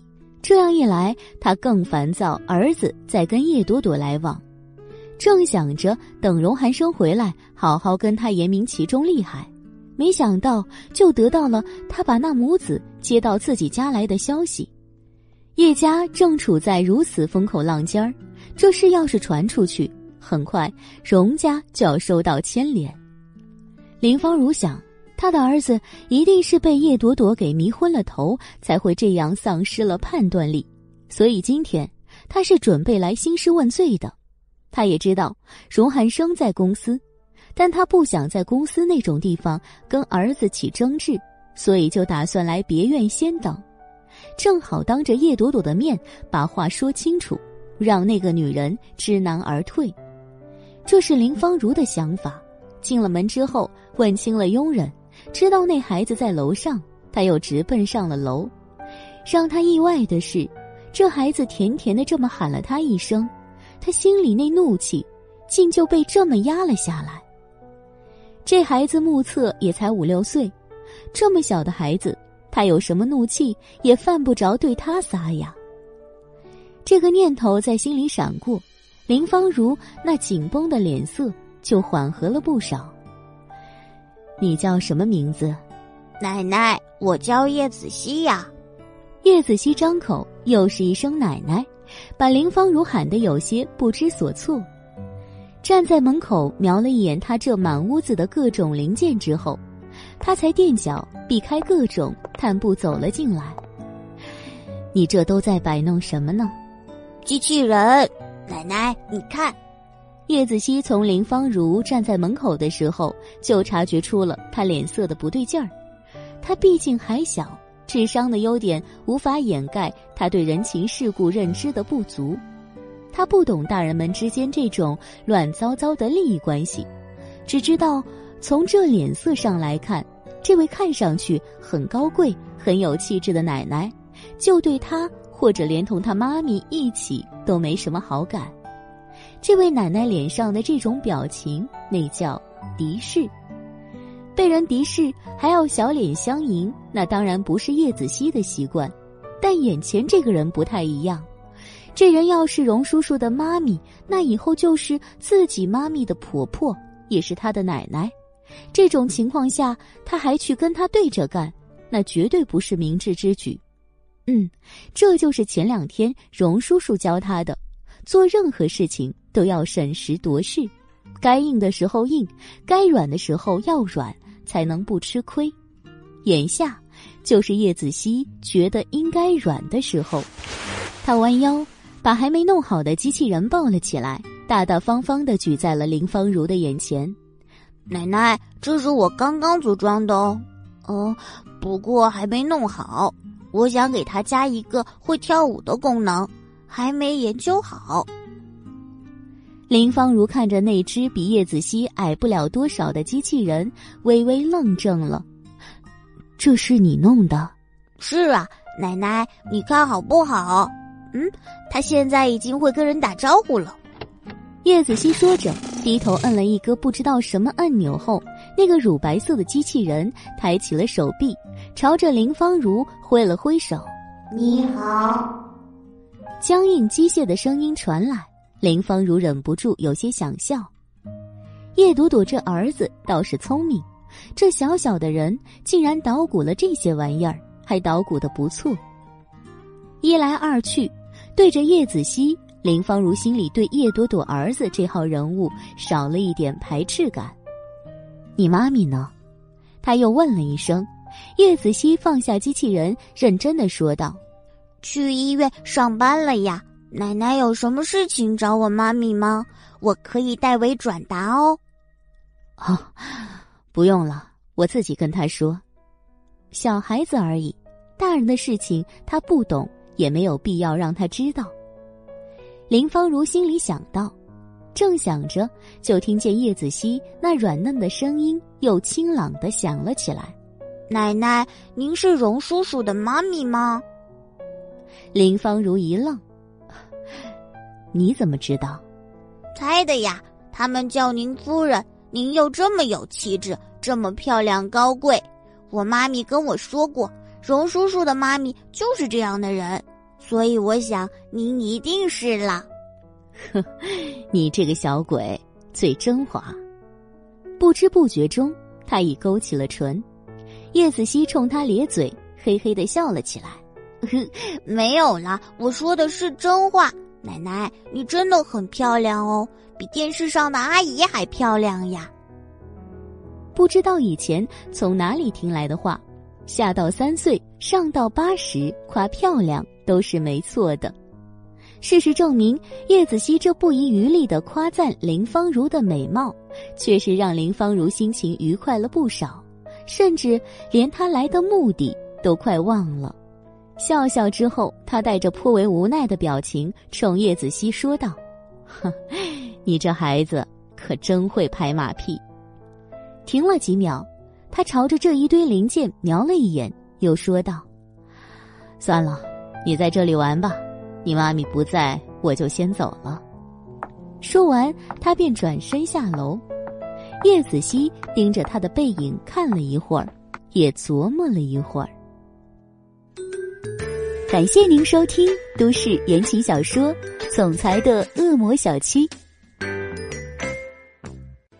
欢迎收听都市言情小说《总裁的恶魔小七》，作者：初寒，演播：八音六合叶儿不清，后期制作：千雪，由喜马拉雅荣誉出品。第七十五集，下了楼，路过客厅的时候，佣人正在餐厅里摆菜，见林芳如下来，就顺口问了一句：“夫人在这里吃饭吗？午饭刚刚做好。”林芳如向来不喜欢在外面用餐，除了必要的应酬之外，她都在家里吃。这个点儿刚好赶上，顺便吃了也行。这么一想，他就走了过来，还没坐下。就想到了楼上的叶子熙，叫那孩子也下来吧。佣人一听，立即笑了起来：“夫人心善，我正准备去叫他呢。”事实上，午饭什么摆到台面上的，都是给叶子熙做的，这都是荣寒生交代的，要照顾好这孩子。如果是他们自己，不管是荣寒生在，或是他不在，他们吃饭都是私下解决。不会上这张餐桌吃饭的，但是这些他们也不会随碎的说给林芳如听，所以就这么随口一答。林芳如听了他的话，没表示什么。佣人立即上楼叫了叶子熙下来：“奶奶，你跟我一起吃饭哦。”一跑下来见了林芳如坐在这里，叶子熙就高兴的奔到了他身边，眨着闪闪如星的眼眸看着他。林芳如侧脸看着叶子熙，越看越觉得这孩子长得实在是好，不胖不瘦，小脸饱满，皮肤细嫩，白里透红，大而圆的眼睛显得极有灵气，笑起来小嘴一咧，满口的小白牙，可爱中透着几分调皮。这样的孩子，谁见了都会喜欢的。到现在还没有抱上孙子的林芳如，对眼前这个孩子。又多了几分好感，见他还站着，便道：“坐下吧，奶奶跟你一起吃饭，你欢迎不欢迎？”“当然了，我一个人在这里，他们都不跟我一起吃饭的。奶奶来陪我最好了。”“好，那你就多吃一点。”言语间，林芳如的神态中多了几分慈爱。他甚至还伸手揉了揉叶子熙那一头细软乌黑的头发。嗯，好，奶奶你也要多吃哦。一来一去的功夫，两人都拿起了筷子，朝着餐桌上一瞄，林芳如就皱了眉头。这是怎么回事？他用筷子点着刚刚端上来的一盘菜，说道：“我不是早就告诉过你们了吗？寒生对花生过敏，家里不要出现花生之类的东西。这怎么又摆桌上了呢？”被他点出的菜是一盘宫保虾球，里面有花生做配料。见林芳如沉了脸，那佣人慌忙躬身道：“夫人，您误会了，这些菜都是给这个小朋友准备的。少爷晚上回来的菜色里绝对不会出现花生的。少爷说让我们照顾好这位小朋友，我觉得菜色应该丰富一些，这才在配菜的时候没有考虑花生的问题。”夫人，您放心，只要少爷在家，这是绝对不会有的。佣人说的诚惶诚恐，林芳如皱了皱眉，又瞧了瞧身旁的叶子熙，这才说道：“那算了，不过以后也不要再弄了。要丰富，也不应非要把会导致他过敏的菜色搬上来。菜很多，选其他的，这个不能马虎。是夫人，我记住了。”佣人答应着。叶子熙却端坐在一旁，咬着筷子，歪着脑袋对着那盘宫保鸡丁发了呆。花生过敏，他也对花生过敏耶？怎么这么巧呢？荣叔叔也不能吃花生哦。虽然说天底下对花生过敏的人不止他们两个，但这两人都凑到一块儿来了，这巧合未免太那什么了。嗯，这其中会不会有什么故事呢？叶子熙那小脑袋飞速的运转开来。子熙，林芳如突然喊了一声，叶子熙惊了一跳，立刻转眼看向奶奶。奶奶，你叫我呀？吃饭发什么呆？不要咬筷子头，很脏。林芳如微微沉了脸，仿佛教训晚辈一样的纠正着叶子熙的坏习惯。叶子熙闻言，嘿嘿一笑：“呵呵，呃，我知道了。奶奶，你一定饿了吧？那我们吃饭吧。”他说着，就把筷子伸向了那盘宫保虾球，但他当然没有去碰花生，而是夹了一团虾球过来，扔进嘴里之后，他又朝着林芳如问道：“奶奶，荣叔叔真的对花生过敏吗？我们班也有个小朋友对花生过敏耶。”发作的时候很吓人呀，荣叔叔也是吗？他会怎么样啊？他呀，林芳如愣了一下，盯着叶子熙的小脸看了看，笑道：“ 那都是他小时候的事情了。不知道这些的时候，给他吃过两次，每次都是喘不过气来，差点出事。后来就没有了，不给吃了。”哦。叶子熙拖了一个长音，脑子里又转开了。这顿饭，叶子熙吃的有点食不知味，他的脑子都被眼前的花生给塞满了。妈咪一直不告诉他关于爸爸的任何事，以他的小脑袋来揣测，多半有可能就是六年前在他妈咪身上发生了一个庸俗的始乱终弃的故事，一定是哪个混蛋刚开始喜欢妈咪。后来又不喜欢了，才害得妈咪一个人背井离乡，还独自抚养他。也因此，他对那个传说中的爸爸没有任何好感，有的都是浓浓的敌意。不过，难道他那个始乱终弃的爹，是荣叔叔吗？叶子熙瞄着眼前的花生发了呆，小心肝里装了事情，他也没再跟林芳如绕下去。乖乖的吃完了饭之后，就礼貌的把林芳如给送出了门。林芳如对这个小东西很满意，临走的时候又揉了揉他毛茸茸的脑袋，甚至还随口带了一句：“下次再来看他。”他下次会不会来专门看他？叶子熙也不是很关心，他现在只关心一件事。跑上楼之后，他也没有进儿童房继续摆弄他的机器人。而是回房间摸了他的手机出来。几秒后，他拨了个电话出去：“倩倩小美女，呃，对呀对呀，我是子熙呀，美女阿姨，我回来了哟，你要不要请我吃饭呀？”哦，不要不要带妈咪了，人家想跟你单独相处。嗯，好嘞。一通电话打完，叶子熙攥着手机，抵着自己的下巴笑了笑。第二天，叶朵朵和荣寒生都离开后，没一会儿功夫，柳倩就到了别院外。她是怕叶子熙一个小屁孩不被允许出门，才跑来接她。当然。这都是背着闺蜜叶朵朵的，这也是叶子熙要求的。至于什么事情嘛，柳倩也不知道。反正叶子熙这个小东西鬼灵精怪，有什么单独想跟他聊的事情也不奇怪。这一天，叶子熙跟柳倩在外面晃荡了大半天，直到下午才回来。到家的点儿，叶朵朵和荣寒生都没有回来。叶子熙就发挥了他那三寸不烂之舌的本事，带着知道他出门的佣人挨个游说了一遍，确定不会有人把这个事告诉妈咪之后，他才又钻进三楼的房间里。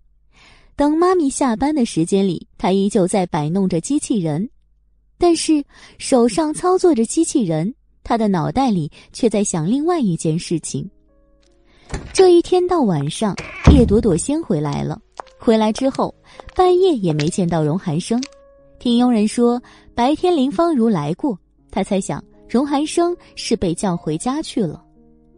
想到这里，叶朵朵就翻开了手机日历，点着数字数数，他和叶子熙在这里也住了一周了，好像打扰的时间是有点长了。林芳如今天过来，他虽没见着，可那意图他是不难猜的。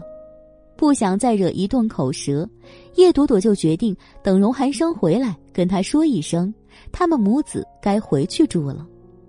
这一夜，他也没有等到荣寒生。第二天早上，见荣寒生没有回来，他就去了叶子熙的房间，还把睡懒觉的叶子熙给挖了起来。起来收拾东西，我们要回自己家了。叶朵朵拍着叶子熙的屁股喊他。叶子熙从梦里被拽出来，揉着惺忪的睡眼，视线模糊的看着自家的妈咪。干嘛要回家？这里不是好好的吗？这里好吗？这里是别人的家。叶朵朵觉得叶子熙被糖衣炮弹奴役的有点彻底，不由得皱了眉。叶子熙，你给我滚起来！麻溜的收拾东西。今天刚好周末，我们回去还要打扫卫生，快点。母真的要走啊！叶子熙清醒了一点，坐起来，抱住了叶朵朵的脖子。咱能不走吗？嗯？叶朵朵愣了一下，眯着眼瞧着叶子熙。叶子熙，你的态度有点诡异，有吗？没有吧？叶子熙松了一只手，拍了拍自己的脸蛋儿，张了张眼睛，摆出了认真状。妈咪，你别多想哦，我只是想，你看哦，楼上还有很多荣叔叔给我买的东西。你那个房子那么小，摆那些大概摆不下吧？等我玩好了再回去好不好啦？不好，叶朵朵果断拒绝。你有玩好的时候吗？再说，昨天那位奶奶来了，你看到了，那是荣叔叔的妈咪，她是不允许我们住在这里的。为什么不允许啊？她对我很好啊。叶子熙揣着明白装糊涂，两只大眼扑闪扑闪。叶朵朵盯着他看了一会儿，一皱眉，抬手就在他的小脑门上拍了一巴掌：“你这个没良心的！人家给你点笑脸就对你好了，给你买点玩具你就抱着他不放了，你眼里还有没有我了？有啊，必须有啊！我最爱你呀，妈咪。”叶子熙手臂一紧，小脑袋就在叶朵朵的肩膀上揉了起来。不过，妈咪这么早就走了，要不要跟荣叔叔打个招呼呀？他不在。叶朵朵没好气地说。叶子熙愣了一下。哦，那你是打算逃走了？是什么话？被戳中心窝的叶朵朵脸色有点尴尬。我那叫省的麻烦，快点起来，墨迹什么？嘿嘿嘿，叶子熙贼兮兮的笑了笑，小脑袋一歪，晶亮眼眸闪闪发亮。妈咪，我发现一个秘密，说，就是啊，我发现你喜欢荣叔叔啊。屁话，你别不承认了，不喜欢你干嘛？老怕他，老躲他，唏嘘才是这样的嘛。还有，我还有证据。叶子熙斩钉截铁，叶朵朵愣了一下，你还有证据？嗯，叶子熙点头如啄米。有两次，我看见他晚上偷偷的潜入了你的房间，但是最后也没出来。叶朵朵顿时脸红，心里只骂道：“荣寒生，都怪你！”他不吭声。叶子熙继续发散：“你要是真的一点不喜欢他，干嘛老纵容他呀？妈咪，你就承认呗，喜欢男人也没什么错呀。你都老大不小了。”我也喜欢我们幼儿园的园花呢，窈窕淑女，君子，你给我闭嘴！没容他说完，叶朵朵就一巴掌捂住了那张喋喋不休的小嘴，脸一沉，他便决定采取暴力措施。我告诉你啊，赶紧给我滚起来收拾东西，再多说一个字，揍你屁股！嗯 嗯，叶子熙挣脱他的巴掌，小脑袋转了转。哦，那好吧，我现在就起来去收拾东西。妈咪，那你也去收拾你自己的东西吧，不用管我，我保证以最快的速度收拾好。这还差不多，滚起来！叶朵朵抬手捉了下叶子熙两条肉嘟嘟的小胳膊，起身离开了房间。他一个人抚养孩子，从小就训练叶子熙独立处理自己的事。像收拾杂物这种事情，他是不用操心的。只不过他不知道的是，他离开之后，叶子熙没有乖乖的去收拾东西，而是翻了手机出来，捣鼓了几秒后，他捏着电话贴近了耳朵：“荣叔叔，我妈咪要走了耶，我跟你说一声啊，你别想我哦。啊，什么？你马上就到家呀？哦，好好好，我知道了。”放心，包在我身上。挂了电话，叶子熙满意的笑了笑，笑完了，他又有那么一点的自责，他好像是有点坑妈咪哦。不过，为了弄清楚自己的爹是谁，坑就坑一回吧。坚定了信念之后，叶子熙将那点小内疚给抛开了。为了等荣寒生，他收拾东西的速度像个蜗牛。半天也没收拾几件衣服，惹得叶朵朵来催了几次，就这样消磨着时间。过了半个多小时，他才拖着那只跟他差不多的小皮箱，跟着叶朵朵下了楼。妈咪早上没吃饭耶，吃了饭再走吧。到了客厅，他又提议。叶朵朵的想法是，正好荣寒生不在，他干脆先走，完了之后再通知他一声，这样就避免麻烦了。所以听了叶子熙这提议后，他张口一句又拒绝了，回去吃不早了。你太残忍了，妈咪，这就是雇佣童工，也不是这样的吧？饭都不给人家吃了，嗯，唉。宁梅看着这个哭起来一滴眼泪都没有的主，他真心觉得头大了。不过很快，他就不需要再犹豫了，因为荣寒生进门了。还听到了那句雇佣童工的话，子熙，荣寒生喊了一声，叶子熙的哭声立刻止了，小眼睛一瞪，就丢了箱子跑了过去。荣叔叔，你回来了呀！你评评理，妈咪连饭都不让我吃。叶子熙，叶朵朵忍无可忍的低吼了一声，却只见某人已经揉进了他爹地的怀里，父子俩一副表情。同仇敌忾的瞪着他，荣寒生，你回来的正好，我有事跟你说。叶朵朵懒得跟叶子熙墨迹，直接看向荣寒生，也不知道是不是没睡好，荣寒生的脸色看起来不是很好，带着点点倦容。瞧他这样子，八成是昨晚回家被林芳如给踢了，或者就是两人起了争执，事情都闹开了，他没有理由留他们在这里。他也没那么大的脸再赖在这里，叶朵朵脸色严肃中透着坚定。叶子熙挂在荣寒生的脖子上，扭头看着自家妈咪，心里暗暗着急。荣叔叔，你可千万要给力一点啊！哪怕留着多待几天也好，给我点时间弄清楚你到底是不是我爹地。小东西操心着。荣寒生看着叶朵朵，正想开口，伊森突然从门口跑了进来。老大，他直接跑到了荣寒生身边，附耳对他暗语了几句。感谢您收听都市言情小说《总裁的恶魔小七》，欢迎收听都市言情小说《总裁的恶魔小七》，作者：初寒，演播：八一六和叶儿不轻，后期制作：千雪，由喜马拉雅荣誉出品。第七十六集，叶朵朵不知道伊森富尔说的是什么。但是他看见伊森说完之前又瞄了他一眼，由此可见这件事百分百跟他有关。他在猜测这到底又是什么事情的时候，那边伊森说完了，荣寒生挥手让他离开后，目光就凝在了叶朵朵的脸上。没等他开口，叶朵朵自己就皱了眉：“我又有什么麻烦了吗？”荣寒生本来准备告知。听他抢先这么一说，反倒扯出了一抹笑意。不是，不过跟你有关系，正好，你不是要离开我这里吗？我们去考证一下，你到底能不能离开？什么意思？没什么意思，去了就知道。又来，叶朵朵无力吐槽这男人的神经兮兮，每次都是这样。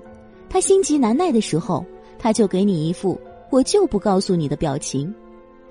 不等叶朵朵再说什么，荣寒生朝餐厅方向看了一眼。还没吃早饭，来不及了，先过去。事情结束带你吃大餐好不好？他朝叶子熙征询意见。叶子熙这下不叫着虐待童工不给吃饭了，忙点头，大方的说道：“哦，没问题，没问题。”叶朵朵瞧了一眼挂在荣寒生身上的叶子熙，只觉得他们这个姿势。让他觉得异常的碍眼。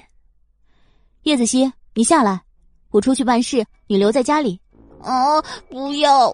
小东西当即否决，手臂将荣寒生的脖子圈得更紧了一点。荣叔叔，你带我去吧，我最喜欢看热闹。你不带我去的话，我下次不给你打电话了。叶子熙，你皮痒了是不是？没有啊，我什么都没说。装死。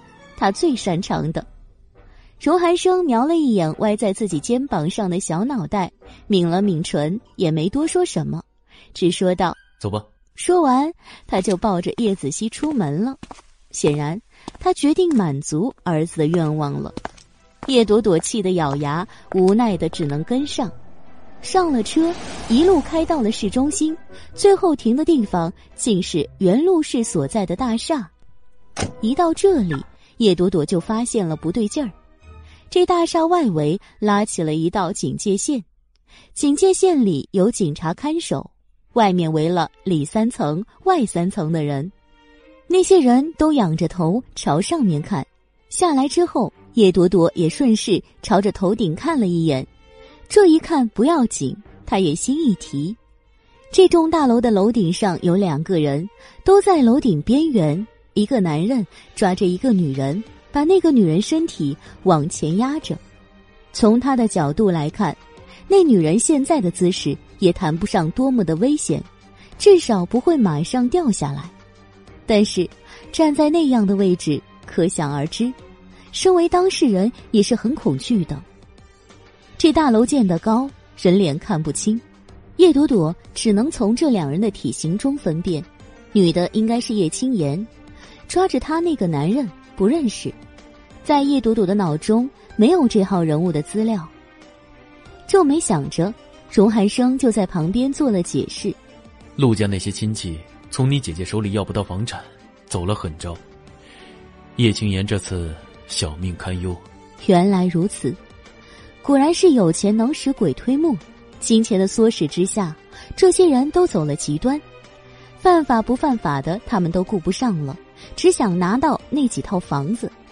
不过想想也对，陆家弄成了这样，叶青言却用了非常规的手段独占了几套房产。陆景成和他爸没来得及把这些房产夺回来，就一个疯，一个死了。这样的事情，陆家亲戚怎能饶他？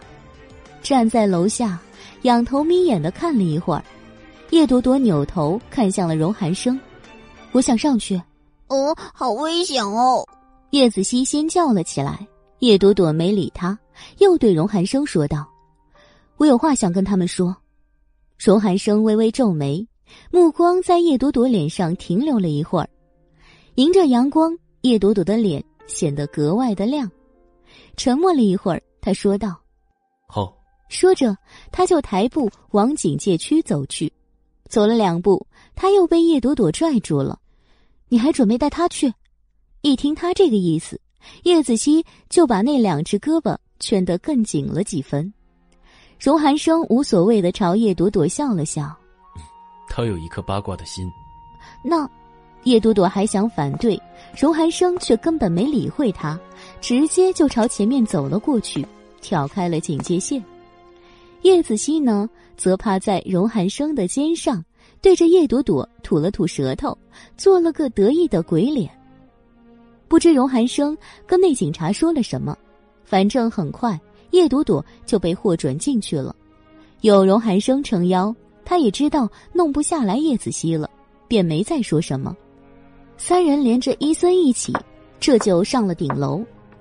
到了楼顶，叶朵朵才发现。这顶上比楼下还要热闹，叶明远和梁芬都在。叶明远焦急，梁芬已经哭成了一团。另一边，看上去大概是陆家的人，也有不少几个。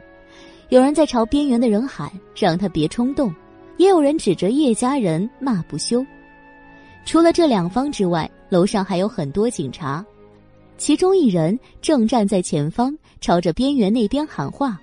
不过看起来他的劝说没有什么用处，因为抓着叶青言的那个人情绪还是异常的激动，时不时的手还晃了晃，惹得叶青言惊恐的连连尖叫。这楼有三十多层，站在顶端往下看，那种感觉就是没人揪着你要把你往下推，那都是销魂的。何况现在还有人揪着你，一不小心就要失足坠下，摔成肉饼。叶青言他不怕才奇怪，不过好在这楼的边缘也不是空空荡荡的，他还有一道不锈钢护栏，那护栏有腰那么高。现在叶青言的腰就被压在护栏上，那男人压着他，上半身微微的倾向外面。有这道护栏，他暂时掉不下去，但是只要这男人再加一把力，他就能被扔下去。所以叶青言现在就吓得哇哇的哭嚎，那声音惨的让人听了直起鸡皮疙瘩。叶朵朵环视了一圈，琢磨了形势。那边叶子熙勾在荣寒生身上，瞪大了好奇的眼睛，也跟着到处看。看了一圈之后，他才喊了叶朵朵一声：“妈咪，那个是我外公吗？他来找你了。”此时叶朵朵的目光还在叶青言那边。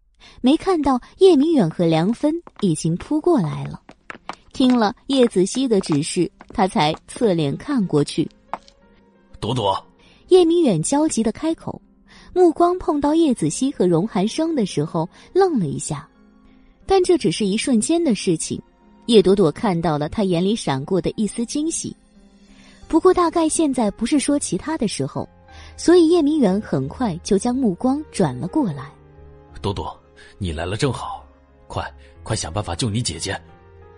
是啊，梁芬哭哭啼啼的接道：“你点子多，你看这怎么办？这些人他们都不要命啊！”说完，扭头瞄了一眼还在哭嚎的叶青言，又是一顿哭。叶朵朵盯着他：“阿姨，他们是不要命啊？他们本来想要的就只是房产，事情到了这个地步，你们答应他们不就完了吗？” 那怎么行？梁芬立即不哭了，看了叶明远一眼。叶明远接着说道：“朵朵，这事不是你想的那么简单。这些人现在认定了我们吞了陆家的财产，就算把那几套房子给出来，他们也不会满足。而且，这种行为根本就是无理取闹嘛！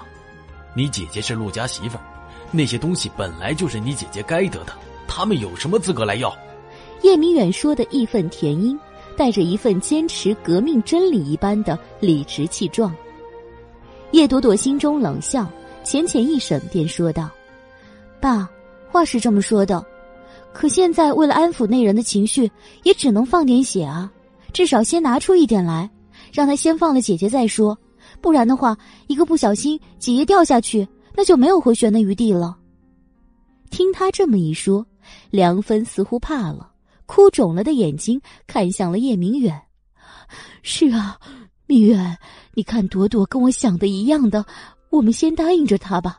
他现在不就是想要见钱吗？给他，先给他一点，把女儿先救下来再说呀。陆家人也不信他们，口头答应不行，过户房产都不行，只要立即打钱去他们的账户，见了钱才放人。梁芬到底是当妈的。心就没叶明远那么狠，她心疼钱，也心疼女儿，衡量了再三，还是觉得女儿更重要，这才说了这话。其实这话他刚刚也就说了，只不过在叶朵朵来之前，叶明远一直没有松口，现在刚好叶朵朵表示了同样的意思，他便立即跟着附和了。叶明远见妻女都异口同声，脸色显得极其的难看。心知父亲的心思，叶朵朵暗暗的不屑，想了一会儿，便对叶明远说道：“这样吧，我去劝劝那个人，看他能不能先放了姐姐。”叶明远正巴不得他说这话，听了就连连点头。叶朵朵没多说，看了荣寒生一眼，荣寒生瞬间沉了脸。这丫头的意思，他看得明白。而且能猜到，他过去绝不只是劝说这么简单。心念电闪之后，心知无法阻拦某人涉险的荣寒生，转身将叶子熙往伊森怀里一放，转脸就对叶朵朵说道：“我们一起。”妈咪，那里很危险，你不要去。叶子熙皱着小脸，十分的担心。研究了一下自家母上大人的脸色之后。他又在心底暗暗叹了一声，口风突然一变，道：“要去的话，还是让柔叔叔陪你吧，他会保护你的哦。”小家伙表情极其的认真，叶朵朵心里莫名的颤了一下，还没回神，手就被荣寒生攥了起来。荣寒生拖着他，不由分说的往前走去，走了几步，叶朵朵才挣开荣寒生的手，低声朝他说道。我要先去一下那边。他转向陆家人聚集的地方，迈步走去。这女人又在想什么鬼主意？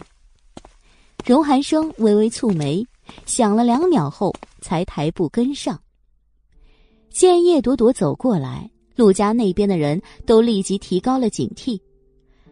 你们谁是领头的？到了跟前，叶朵朵就是一问。这话问的虽然有点奇怪。但是不管什么事，一个家族一起出现的时候，总有那么一两个是代表。他现在就要找这个代表。很快，其中一个看上去有点像暴发户、面相有点恶的男人就站了起来。我是景城的舅舅，你有什么事跟我说。要是想来和解，那行，拿出诚意来。我那个侄子他死心眼儿，只知道他哥、他叔婶的东西。不能就这么让一个女人就夺了去。你要是真想救人，拿着钱来，我那侄子也许就会想通了。不拿钱就想耍嘴皮子，那就算了。男人说的很直白。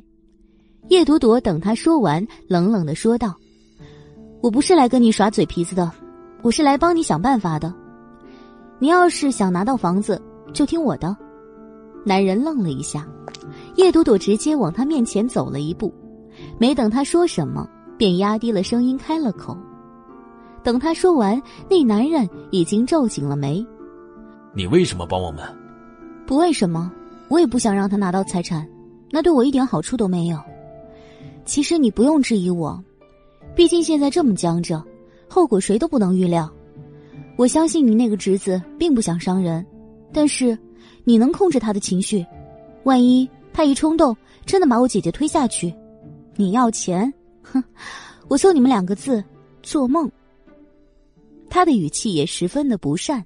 那男人被噎了一下，脸色难看了一阵后，他看了看旁边的人，犹豫了一会儿，才点了头。有了这人的相配，叶朵朵三人才一起走向那边缘。没几步，他们就站在了对面。叶青言早已经被吓得三魂出窍了，见了叶朵朵就哭嚎：“朵朵，朵朵，救我，救我呀！”姐姐，你这个求我也真没用。爸他不同意给钱，我也没有那么多。这一点其实叶青言早知道，在叶朵朵来之前，他们已经僵持了很久。从叶明远的态度，他就看出来了，父亲是舍不得钱，舍得他的命。心头一阵绝望，他顿时说不出话来。这时候，陆家那个跟着叶朵朵过来的人便冲叶青言吆喝了一嗓子：“喂！”你也别说废话了，现在给句痛快话，你到底给不给房子？不给我们也不管了。给我给我给！叶青言被吓得魂不附体，其实早就表示过肯交出房子来，只可惜人家不信他这口头的话，只想见钱，结果叶明远也不给钱，这才僵持到现在。此时他听见又这么问，当然忙不迭的就点头了。这时，抓住他的那个年轻人冲他叔吼了一嗓子：“叔，你问他有个屁用？做不了数，我不管了。反正今天要不见钱，要不就要命。他叶家人也欺人太甚了。”小斌，你别太冲动，听叔说。男人开口：“这事这么闹下去也不是办法。我们的目的也不是光为钱，主要还是替你叔、你哥他们讨个公道，不是？”我现在就想让这个女人告诉我，她到底是怎么弄到这几处房产的。你叔那遗书上都写明白了，这件事他们先前都不知情，现在他们死的死，疯的疯，我们得让这个女人先把话说清楚了，说清楚我们该怎么办怎么办。这么说着，他也没有征询年轻人的意见，直接不畏危险的朝着边缘又走过去了一点，直到被年轻人呵斥住，他才停步。叶青言，你说，你到底是怎么夺得房产的？说清楚了，我这侄子也许能饶了你。我们只想要个公道，不想要人命。这话听着违心，年轻人也是一愣，看了看这男人，刚想开口，却被男人一个眼神制止。叶青言现在只想从这楼上下去，哪里还能去思考其他？闻言，他就立即竹筒倒豆的把他怎么收买张恒，张恒又是怎么收买相关责任人的事给抖了出来。他哆哆嗦嗦的说了几分钟，陆家两人本来也只知道个大概，并不知道这里面的细节，听完了也都惊了一下，尤其是这个年轻的，气不过，抬手就在叶青言头上砸了一拳。贱人，太有心机了！他骂道。中年人也恨恨的骂了一句，之后才说道：“好，既然你都说了，那我问你，你现在是真的肯把房子还给陆家吗？”“给，我愿意给，放了我，只要你们放了我，什么都不要了。”叶青言哭着求饶，他那张脸血色全无，唯有那几道还没来得及整容的疤痕清晰可见。他那头发也是乱糟糟的，被年轻男人一把揪，像堆杂草。你发誓，发誓把陆家财产还给陆家。中年人不放过他，厉吼道：“叶青言哆嗦的哭道：‘我发誓，我发誓，马上就把房产过户。我我要是说话不算，我我我不得好死。’这哭声在风里飘着。”飘到叶朵朵这里来时，她便看了那中年男人一眼。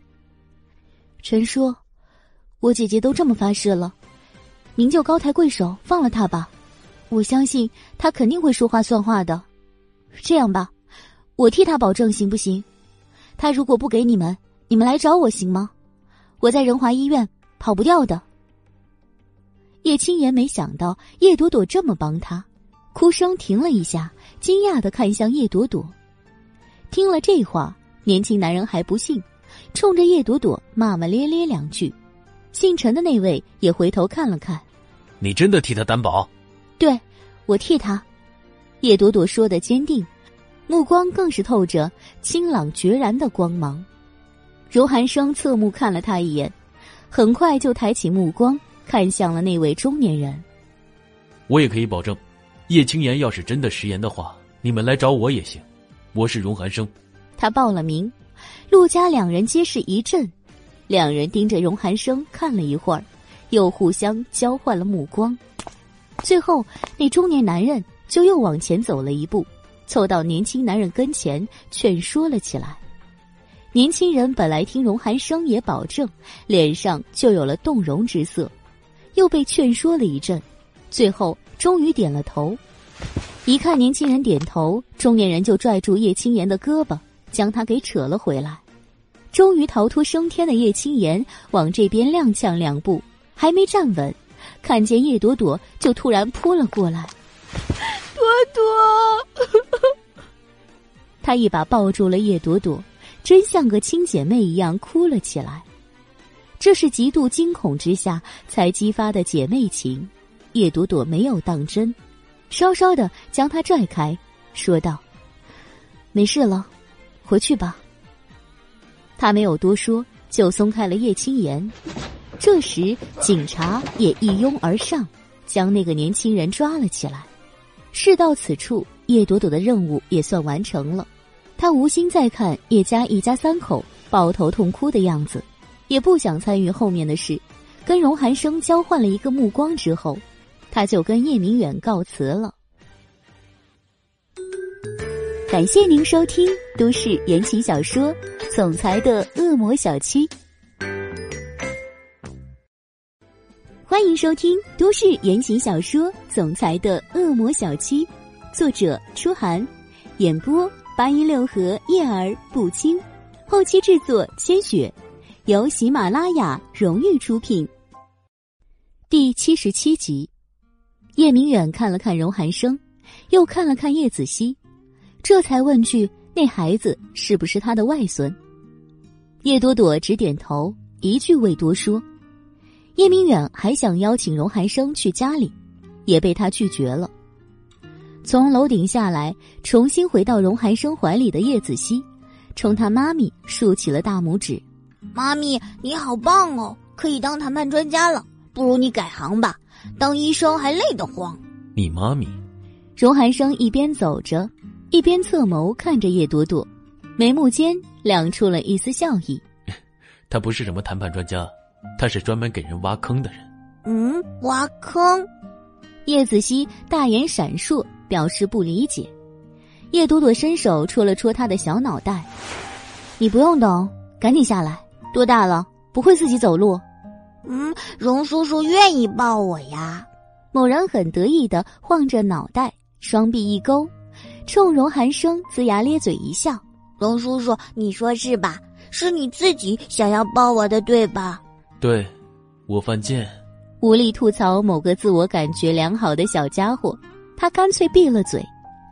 回了别院，叶朵朵又要提走的事情，荣寒生就一口回绝了，理由是叶家事情未完，为防陆家人再走极端，一定要等这次事情完全过去之后才可以放行。叶朵朵不想当着叶子熙的面跟荣寒生辩论什么，一听荣寒生这么说，他就把叶子熙给打发到楼上去了。等叶子熙上楼，他才认真严肃的看着荣寒生。荣夫人昨天来了，我虽没有见到她，可她的用意不难猜测。怎么？莫非你还想顶风作案？他就站在荣寒生面前，娇小的身躯站得笔直。眼眸中也是他所熟悉的那种无畏和坦然。低眉沉默了几秒，荣寒生将目光挑起：“对，我就是想顶风作案。”叶朵朵没料到他这样干脆，他愣了一下，没等回神，荣寒生便朝他迈了半步：“叶家的事情没有完全解决的时候，我是不会放你走的。我妈那边怎么沟通是我的事，你只要记住，她不会再来这里打扰你们就行了。他贴得很近，俊脸低悬在叶朵朵的头顶，喝出的温热气息撩得他脸颊发烫。荣寒生，我，他想说话，可话只说了几个字，他的肩膀就被荣寒生伸手掐住了。一秒间，他就将他抱紧，低头吻上他的唇。我的决定你最好不要反驳，或者，你非要走的话，我跟你一起。住你的小公寓也行，这里还是你的家，你选一个。他贴着他的唇撕磨出声，这一幕不偏不倚的落进了躲在二楼楼梯口偷看的叶子熙眼里，撇撇嘴，咦了一声之后，他缩回了小脑袋，转身跑进了荣寒生的房间。取证啊，取证啊，能取到吗？叶子熙有点焦虑。心里希望楼下那两人的时间再长点儿，免得打扰他去找东西。关于回不回自己家，最后谈判的结果毫无疑问的以叶朵朵失败告终。他确实可以不管不顾的冲出这里，返回自己的小家，但是他管不住荣寒生的腿。那男人要是真的死皮赖脸的跟着他，他没辙。又想到叶子熙在这里有人看守照顾。确实比在自家那边好，叶朵朵最终妥协了。叶家楼顶惊魂的事情过去后三天，网上突然爆出了一则新闻，内容是陆家人将叶青言和那个叫张恒的告上了法庭，告他们用非法手段侵吞陆家资产。新闻上说，陆家人手里最重要的证据就是叶青言的亲口证词。而那证词里将整个过程描述的极为详细，就等警方调查取证了。新闻一出，网络上顿时又炸了锅，新一波的讨伐和口水瞬间都淹向了叶家，淹向了叶青言。看到了这些之后，叶朵朵只是浅浅一审，这些早在他的预料之中，因为这主意就是他出的。是他告诉陆家人，让他去引着叶青言说那些，然后用手机录了下来。有了这些，叶青言就要官司缠身，说不准到手的东西就得全部吐出来。而现在，陆家银行的贷款还没还清，原有的产业大概也要变卖还债，所剩下已经寥寥无几了。就算叶青言以陆家媳妇的身份要求离婚，重新分割财产。他也得不到什么，更何况，就算拍卖之后还能剩下点什么，陆家那堆虎视眈眈的亲戚，也不会再允许他分走一分。所以这次事情之后，叶青言算是没偷到鸡，反倒失了把米。看到新闻的时候，叶朵朵就知道叶明远会来找他。果不其然，第二天叶明远就打了电话给他。电话的宗旨是让他帮忙摆平这件事，不但要让叶青言身上的官司清掉，还要把现在不利于叶家的舆论给压下去。叶青言的事，叶朵朵答应的很含糊，压下舆论那件事，叶朵朵应承了下来。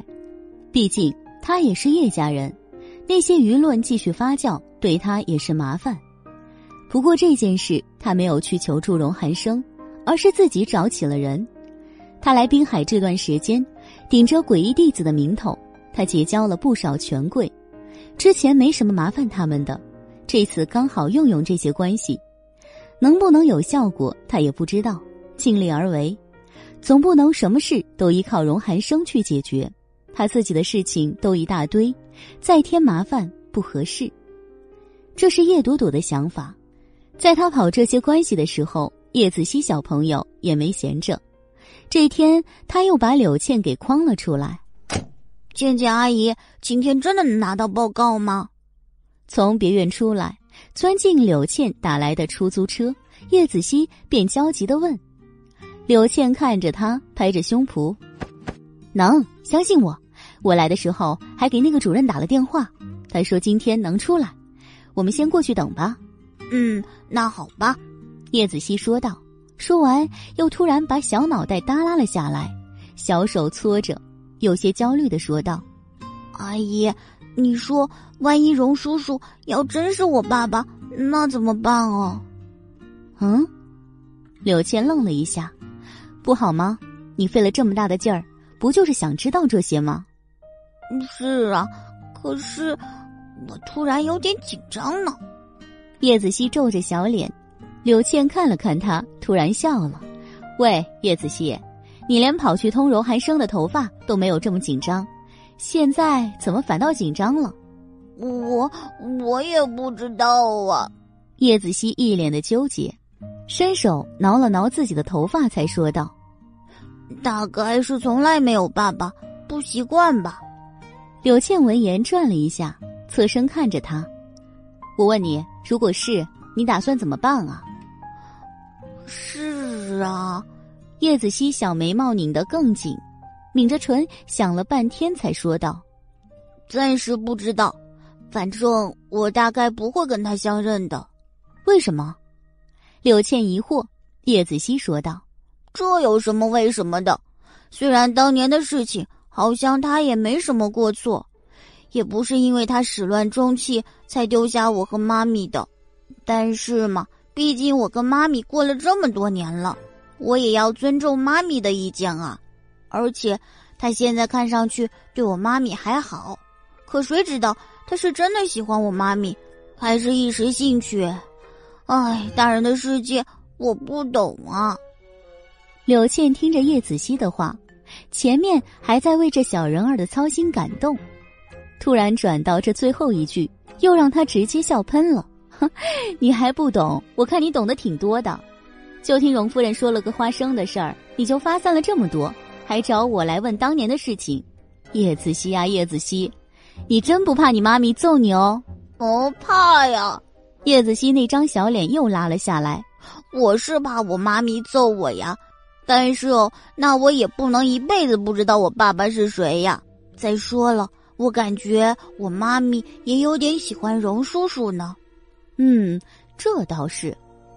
柳倩认同的点头，继而风口一转，又开始抨击起了叶朵朵。你妈咪也是，这嘴紧的跟被五二零粘了一样，就是跟我也就停了么一点皮毛。当年被他祸害的男人是谁？他怎么都不肯说。要真是荣寒生的话，还真是热闹了。荣寒生那种男人，要是知道你妈咪害了他，又背着他生了你，呵呵，感觉一定很精彩。倩倩阿姨，叶子熙皱眉瞪着柳倩：“你这么坑你闺蜜，真的好吗？”我只是帮她预见一下自己的未来而已，算不上坑了。柳倩满不在意的说道，想了想，见叶子熙还是一副纠结的样子，便安慰她说道：“算了，别想了，先拿到结果再说嘛。万一不是呢？现在想这些，不是浪费了脑细胞？”哦，也对。叶子熙不再说话了。半个多小时之后，两人到了地方，这就是之前荣寒生带叶朵朵来过的那家安康生物。在滨海，这是做 DNA 鉴定最好的一家。前几天，叶子熙就把从荣寒生床上搜到的头发样本，连同他自己的头发样本一起送来了。当然，这些都是在柳倩的配合之下做的。他一个小孩子，就算天资过人，可到这种地方来，人家也不会搭理他。幸好倩倩阿姨是他的亲干妈，什么事都依他。他这才借了柳倩的手，将这两个样本送过来。而今天正是出结果的时候，到了检测中心后，又等了将近一个小时，那张薄薄的纸才到了叶子熙手里。前面那些数据他看不懂，直接略过。他只将目光盯在了最后的结论上。这东西他可是第一次看，为了能看懂，他还特地上网搜了一下。所以，当那个百分之九十九点九九落入他的眼睛里时，他这小身板就像被雷电猛地给劈了一下，整个人都僵住了。猜测是，跟最后证实是，那是两种感觉，是完全不一样的。叶子熙这么个小小的人，第一次尝到了什么叫五味杂陈的滋味，兴奋吧，有点儿；震惊不能接受也有点儿，还有很多奇奇怪怪的感觉，让他一时间都不知道说什么。捏着报告出来，他连话都懒得说，只告诉一脸兴奋的柳倩，这件事他要好好想想。叶子熙那小脑袋瓜里到底在想什么，没人知道。身为母上的叶朵朵只发现，这几天叶子熙的精神状态好像不对，话少了，跟荣寒生也没那么亲了。所以没过两天，趁着下班早，他将儿子带了出来。去了市里新开的西餐厅，落了座，点好了叶子熙喜欢的菜品和甜点，叶朵朵才试探着朝儿子挤出了一个卖萌的表情来。子熙宝宝，你是不是有什么事要跟妈咪说啊？哦，正在无聊的摆弄前面的刀叉的叶子熙，抬眼看向自家妈咪，歪着脑袋想了一会儿，他才说：“好像没有哎。”妈咪，你为什么这么问？我看你好像这几天都不高兴啊，小脸拉着，都不漂亮了。叶朵朵轻身，伸手扯着叶子熙那张饱满红润的小脸，告诉妈妈：“是不是在那里住的不舒服了？”不是。叶子熙立即摇头，同时摆开了叶朵朵的手：“荣叔叔那里很舒服，地方大，很多新奇的玩意儿，我喜欢那里。”嗯，也不能因为这点好处就抛弃自己家嘛。不是啊，我没有抛弃我们自己的家啊，我只是在想，妈咪，你真的没有打算把荣叔叔的家变成我们的家吗？你很希望？他没有回答叶子熙的话，而是反问了一声。说实话，叶朵朵被刚刚叶子熙这句话戳了个心窝子，孩子也没说什么。可是，这突如其来的疑问，加上他眼中散出的那抹希冀的光芒，这些都让叶朵朵心里难受。他自认为对叶子熙还不错，能照顾的都照顾到了，但他到底缺他一个爸爸，这份遗憾也是没办法弥补的。所以现在看到孩子这副表情，他心里顿时就涌起了自责内疚的情绪。就在他盯着叶子熙，想寻求他真实的想法时，叶子熙朝他龇牙咧嘴的笑了起来。没有了，我才没有这么无聊呢。我就是问一下妈咪你呀，你到底有没有想过要考虑一下荣叔叔嘛？我觉得他还不错耶。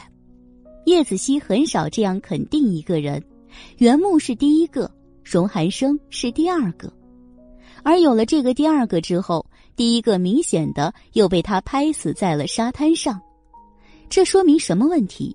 叶朵朵心知肚明。看来惺惺相惜这样的词语不一定非要用在成人之间，对孩子也是有效的。叶子熙这样的孩子，他能认可的父亲一定是各个方面都很优秀，能让他折服的一个人。只有遇到这样的一个人，他才会产生好感。进而产生想要亲近的感觉，柔寒生正是这个人。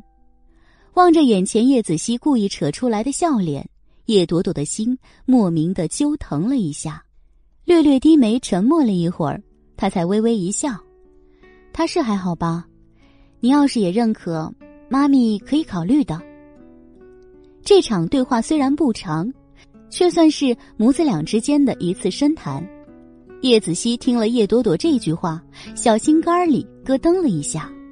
他虽然有诸多的想法，但是也是聪明的，适时闭了嘴，没有继续深究下去。母子之间嘛，心领神会最重要，不需要说太多。叶子熙的小心肝儿七窍玲珑，见对话到了这份上，一转念就把话题引到了吃饭上去了。愉快的吃完了这顿饭之后。叶子熙的小脸上也较之前多了笑容，基本上又恢复了往日那副喋喋不休、聒噪吵人的样子。叶朵朵一路牵着他的手，目光每每落在他开心的小脸上，心里都是情绪万千。最后快到家的时候，他心里便起了一个念头：等叶家这场风波过去之后，他应该认真的考虑一下他和荣寒生的事情了。叶朵朵想着这些进门，没想到进门后没看到荣寒生，反倒看见一个他没想到还会出现在这里的人——许凌寒。他又来了。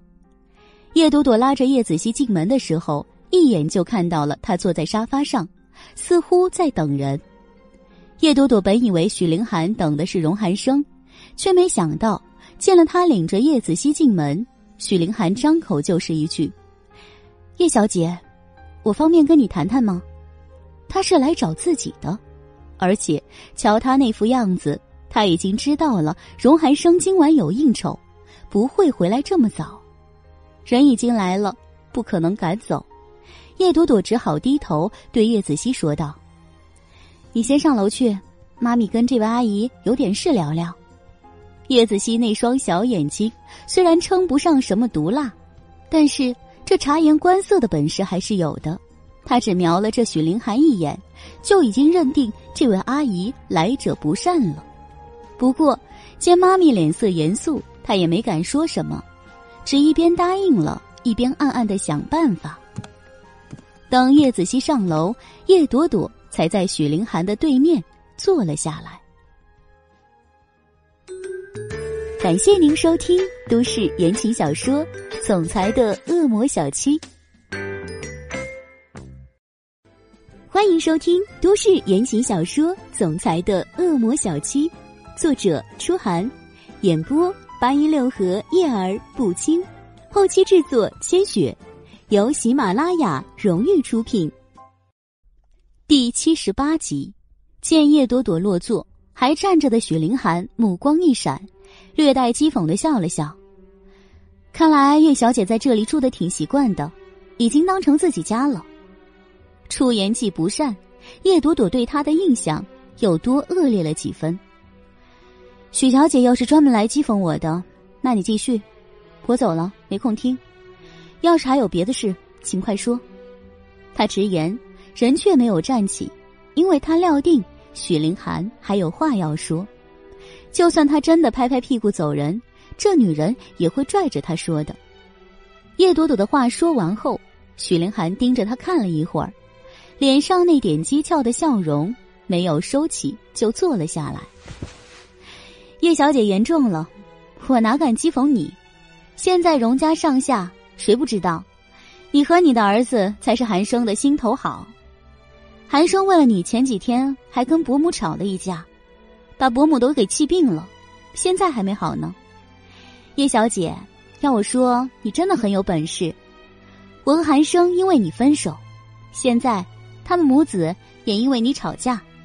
你说，你是不是一定要把韩生弄得众叛亲离才高兴？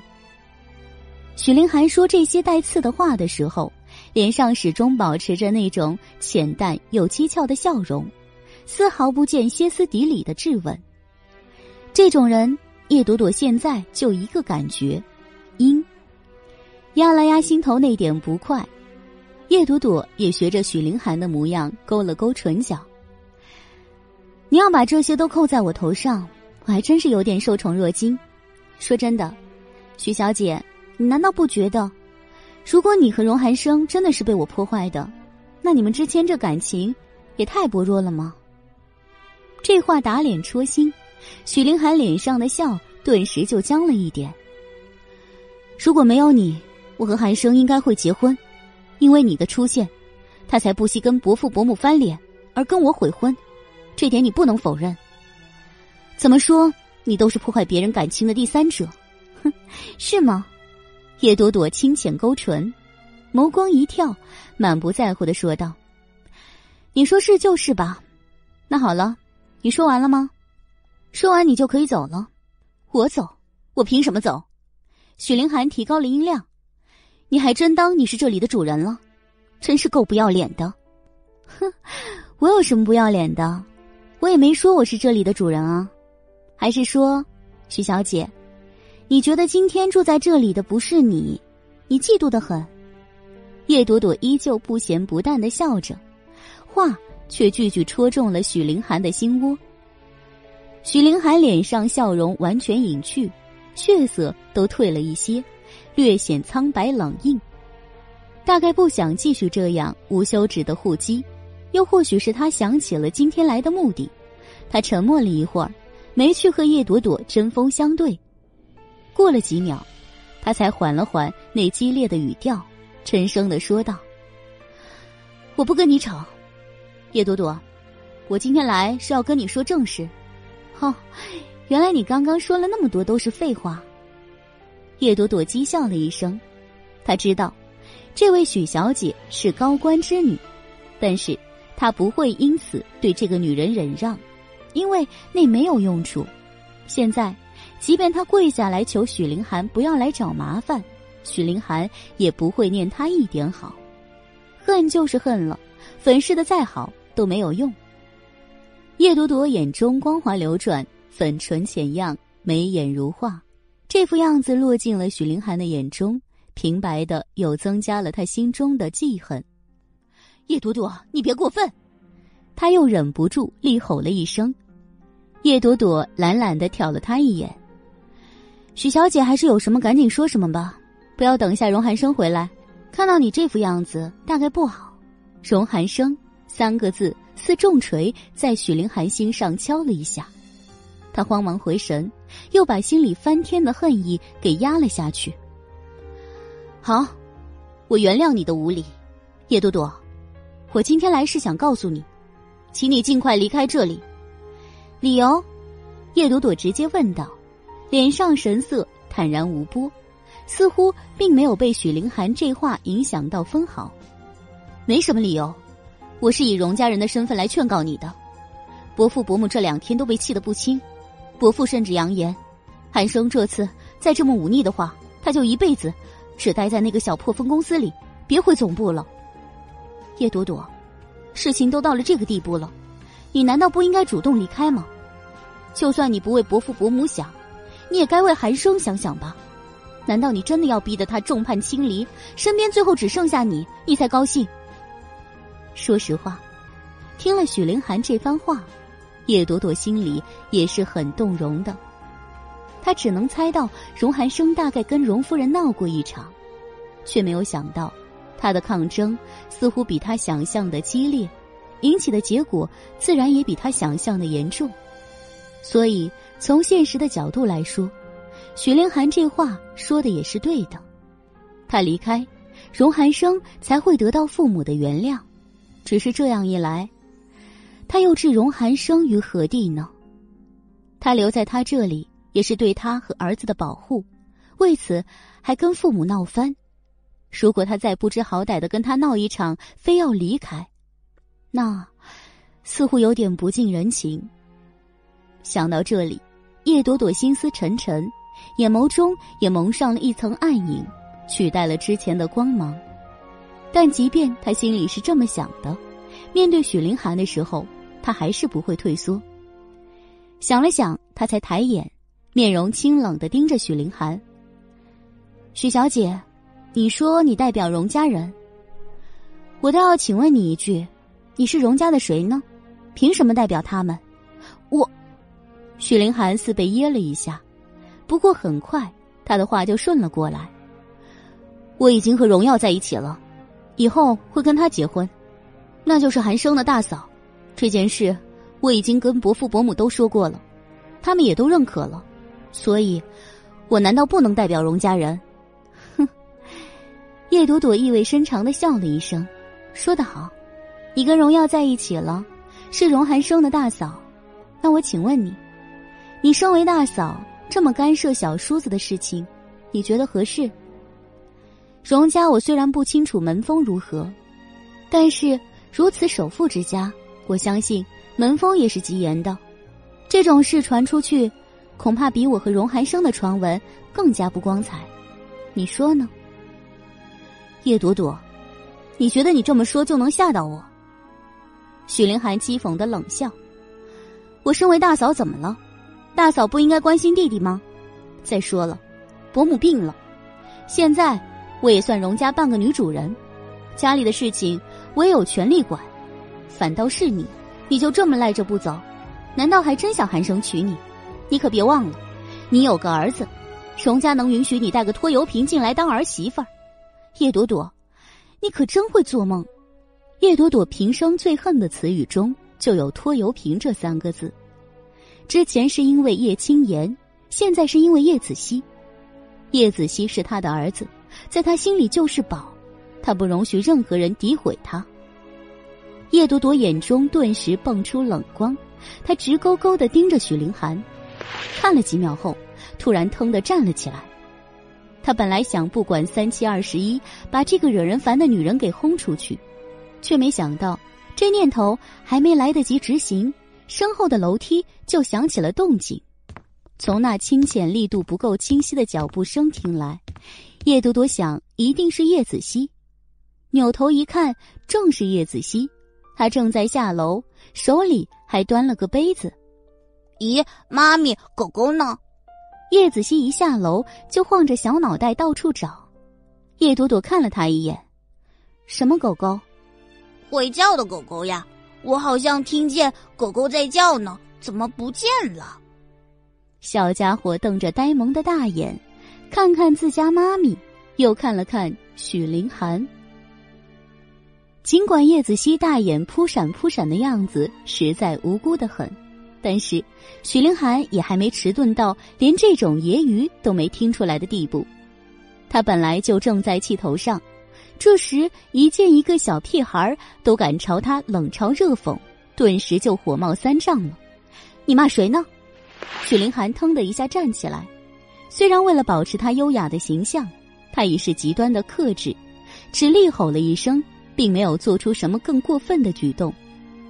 但在叶子熙看来，这副龇牙瞪目的样子还是很吓人的，所以他很快做出了我很怕怕的表情，往旁边连退了几步，躲开后才继续扑闪着无辜的大眼睛说道：“阿姨，你怎么了？我是问狗狗呀，你激动什么呀？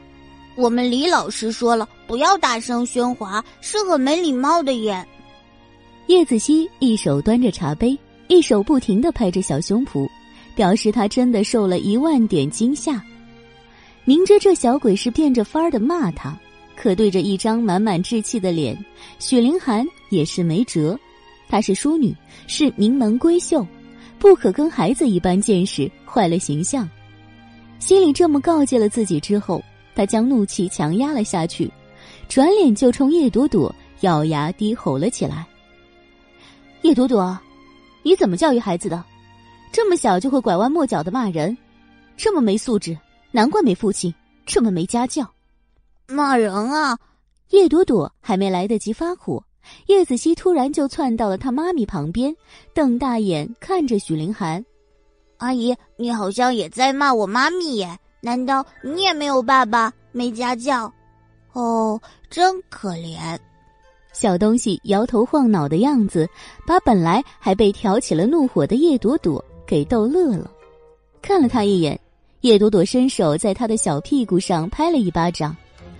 好了，不是要喝水吗？倒你的水去，别在这添乱了，免得人家又说你没家教。家教是什么鬼呀？就是这样跑来凶巴巴的要吃人一样吗？好怕怕！那我还是不要了，我去喝水了，妈咪。叶子熙扭头朝许凌寒一呲牙。抬步就跑了。许凌寒头一次被个儿子气得想发疯，好不容易才忍住没追过去暴打叶子熙一顿。被儿子气了，他便把一腔怒火发泄到了叶朵朵这个当妈的身上。叶朵朵，你到底要不要管管你这个儿子？这么没修养、没素质，整个一个小流氓！你许小姐，叶朵朵轻笑打断。孩子而已，你那么较真儿干嘛？不过，如果你真这么气不过，那好吧，你自己去管教他，给他几巴掌都行，我保证不拦着，行吗？这话把许凌寒噎了一下，起初他还在窃喜了一下，心道只要叶朵朵嘴上真的坚持这么说，他现在就过去扇那孩子两巴掌，教他以后怎么说话。可转念一想，就那孩子刚刚的表现，那也不可能乖乖站着挨打的，说不定还得跟他对着干，这反倒让他落了个欺负孩子的坏名声。无奈中，他只能又一次吃瘪，硬生生的把怒气压下去了，没接叶朵朵这话。气羞羞的坐下之后，他才不耐烦的又说道：“算了，我不跟你扯这些，说正经事。叶朵朵，你到底什么时候能放过韩生？我，啊，什么放过荣叔叔吗？”叶子熙那小鬼又窜了出来。叶朵朵看着他端着杯子过来，也是醉了。倒水倒得飞快，在他眼里，他这个当妈咪的简直弱爆了，生怕他吃亏了似的。窜过来之后，他也没看许凌寒，扭头盯着叶朵朵，便道：“妈咪，阿姨是说你揪着荣叔叔不放吗？哎呀，你有那么不矜持吗？”我以为我看到的都是荣叔叔死皮赖脸的揪着你不放呀。嗯，妈咪，我感觉你吃亏了，你应该更高冷一点才对，不然会让人误会的。叶子熙，叶朵朵微微的沉了脸，用严厉的目光告诉他别瞎掺和。叶子熙暗暗对他撇嘴眨眼，反正就是不走。许凌寒见这小鬼又插了进来，心里异常的烦躁。张口便说道：“小鬼，别仗着年纪小就这么嚣张，你信不信我真打你？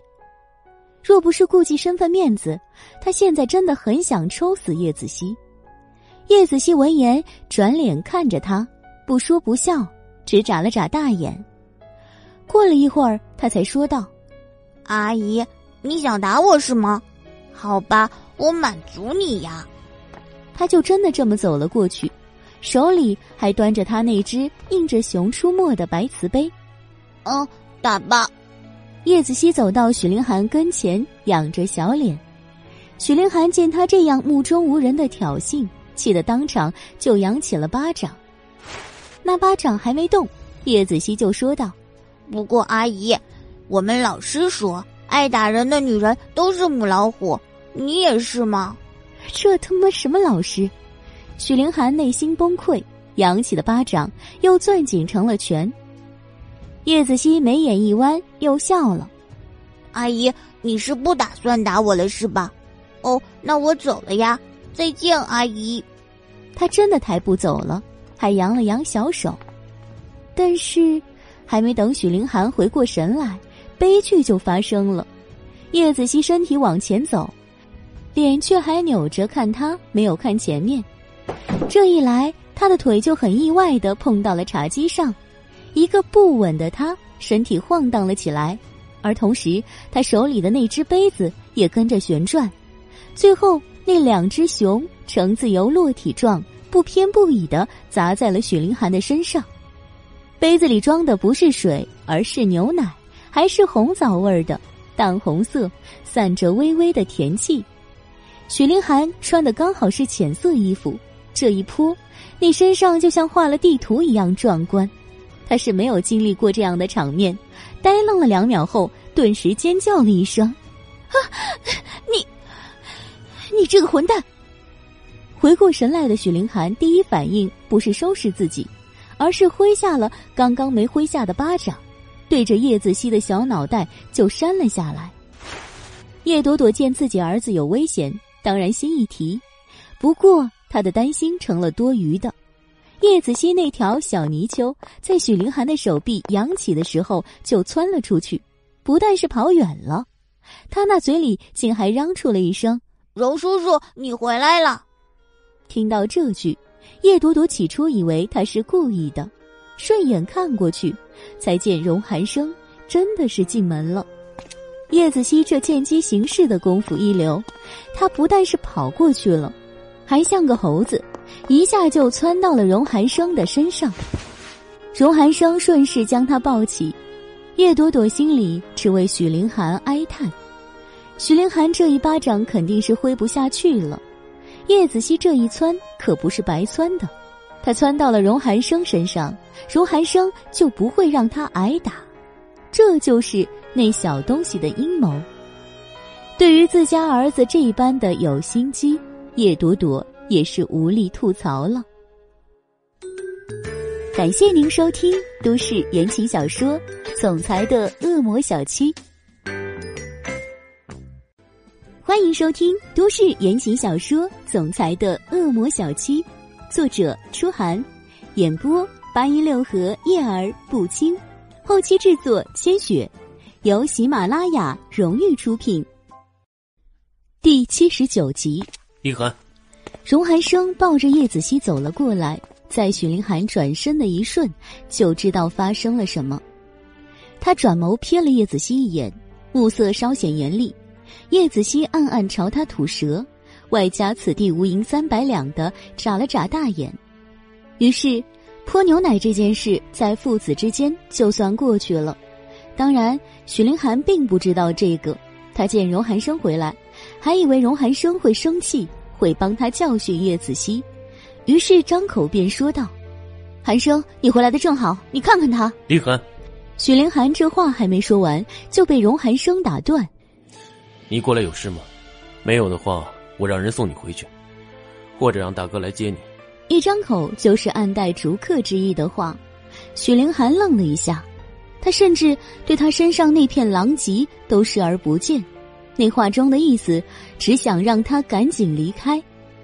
许凌寒心冷到了底，狼狈的站着，盯着挂在荣寒生身上的叶子熙，气得牙根儿都打颤。见他不语，荣寒生也没多问，直接扭头冲外面喊了一声：“伊森，送许小姐回去。”这么说完，也没顾着许凌寒那惊诧的目光，荣寒生就抱着叶子熙朝着叶朵朵走了过去。三个人在一起，满满的就是一家三口的即视感。许凌寒觉得自己的心都快被这幅画面给戳碎了。人家摆明了容不得他说话。他也没什么可说的了，牙根一咬，他便捂着跑了出去。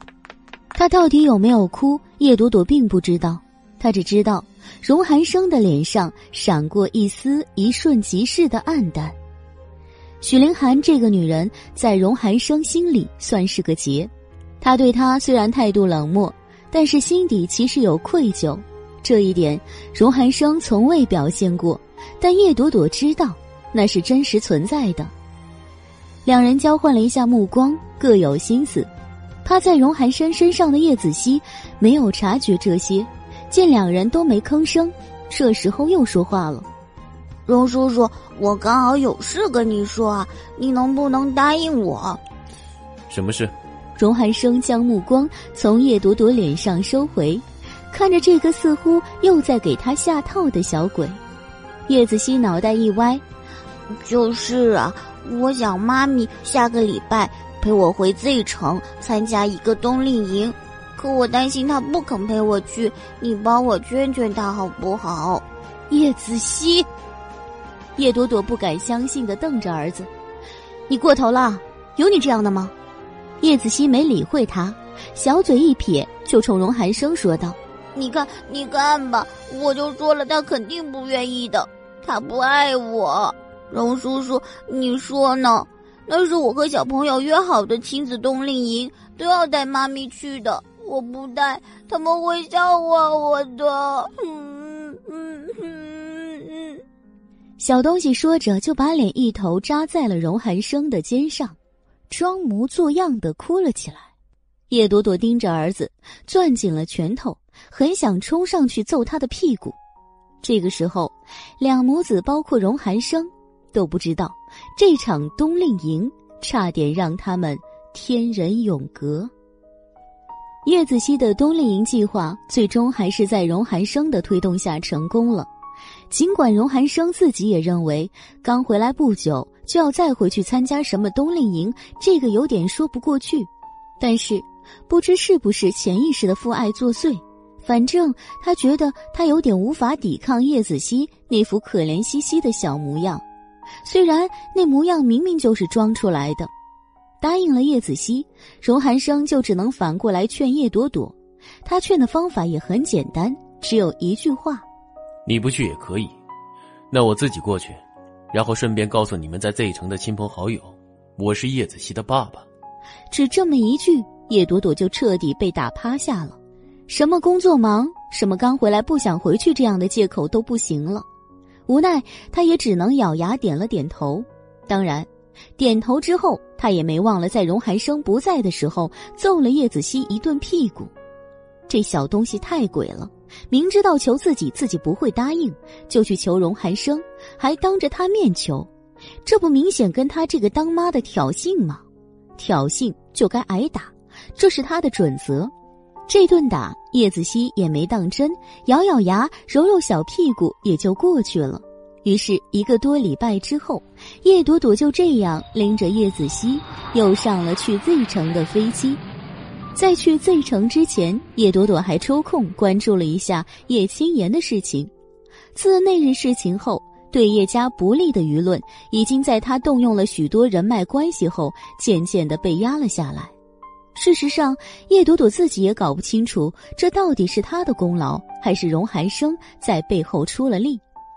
因为他去跑关系的事，荣寒生知道，但他没主动说帮忙，只是略略的问过了两句而已。这种情况下，他会不会做好事不留名，叶朵朵没把握，他也懒得去求证，反正事情压下来就好，他不想多事儿。舆论压下来。另一件就是叶青言身上的官司，叶明远要求他想办法，他一直推脱。后来他才知道，叶明远见叫不动他，干脆自己找了荣寒生。只不过荣寒生跟他一样，也是顾左右而言他，跟他绕着，绕来绕去，叶明远也死心了，只能将房产都吐了出来，以此换取了和陆家人的和解，陆家人也就撤诉了。毕竟，陆家人其实想要的也就是房子，对叶青言这个人的仇恨并没有那么大。现在叶明远肯吐出房子，他们也干脆顺着台阶下来了。事情了结最好，谁愿意多制造事端呢？叶青言从警局出来后，叶朵朵回了一次家。这次叶明远对他的态度明显有点冷淡，但他也没吝啬的说什么。叶朵朵知道，这是因为有荣寒生那块肥肉在前面吊着。叶明远就算再生气，现在也不会跟他撕破脸。这让他不得不感慨：有些人就是能量巨大，不出现都能影响别人。叶家的事情告一段落之后，叶朵朵就安心的和叶子熙去参加亲子夏令营了。他们两母子去 Z 城的第二天。荣寒生接到了林芳如的电话，让他回来一趟。电话里，林芳如也没说让他回去干什么，只听起来声音有点闷闷不乐的样子。之前因为叶朵朵的事情，荣寒生和他闹了点别扭，知道他心里气不顺，这段时间未免尴尬，荣寒生也没回去过。所以今天接到电话后，他没有犹豫就答应了。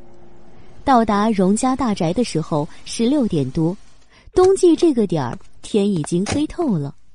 荣家大宅灯火通明，远远的一看便是华灯异彩，高贵奢华的宛如皇宫。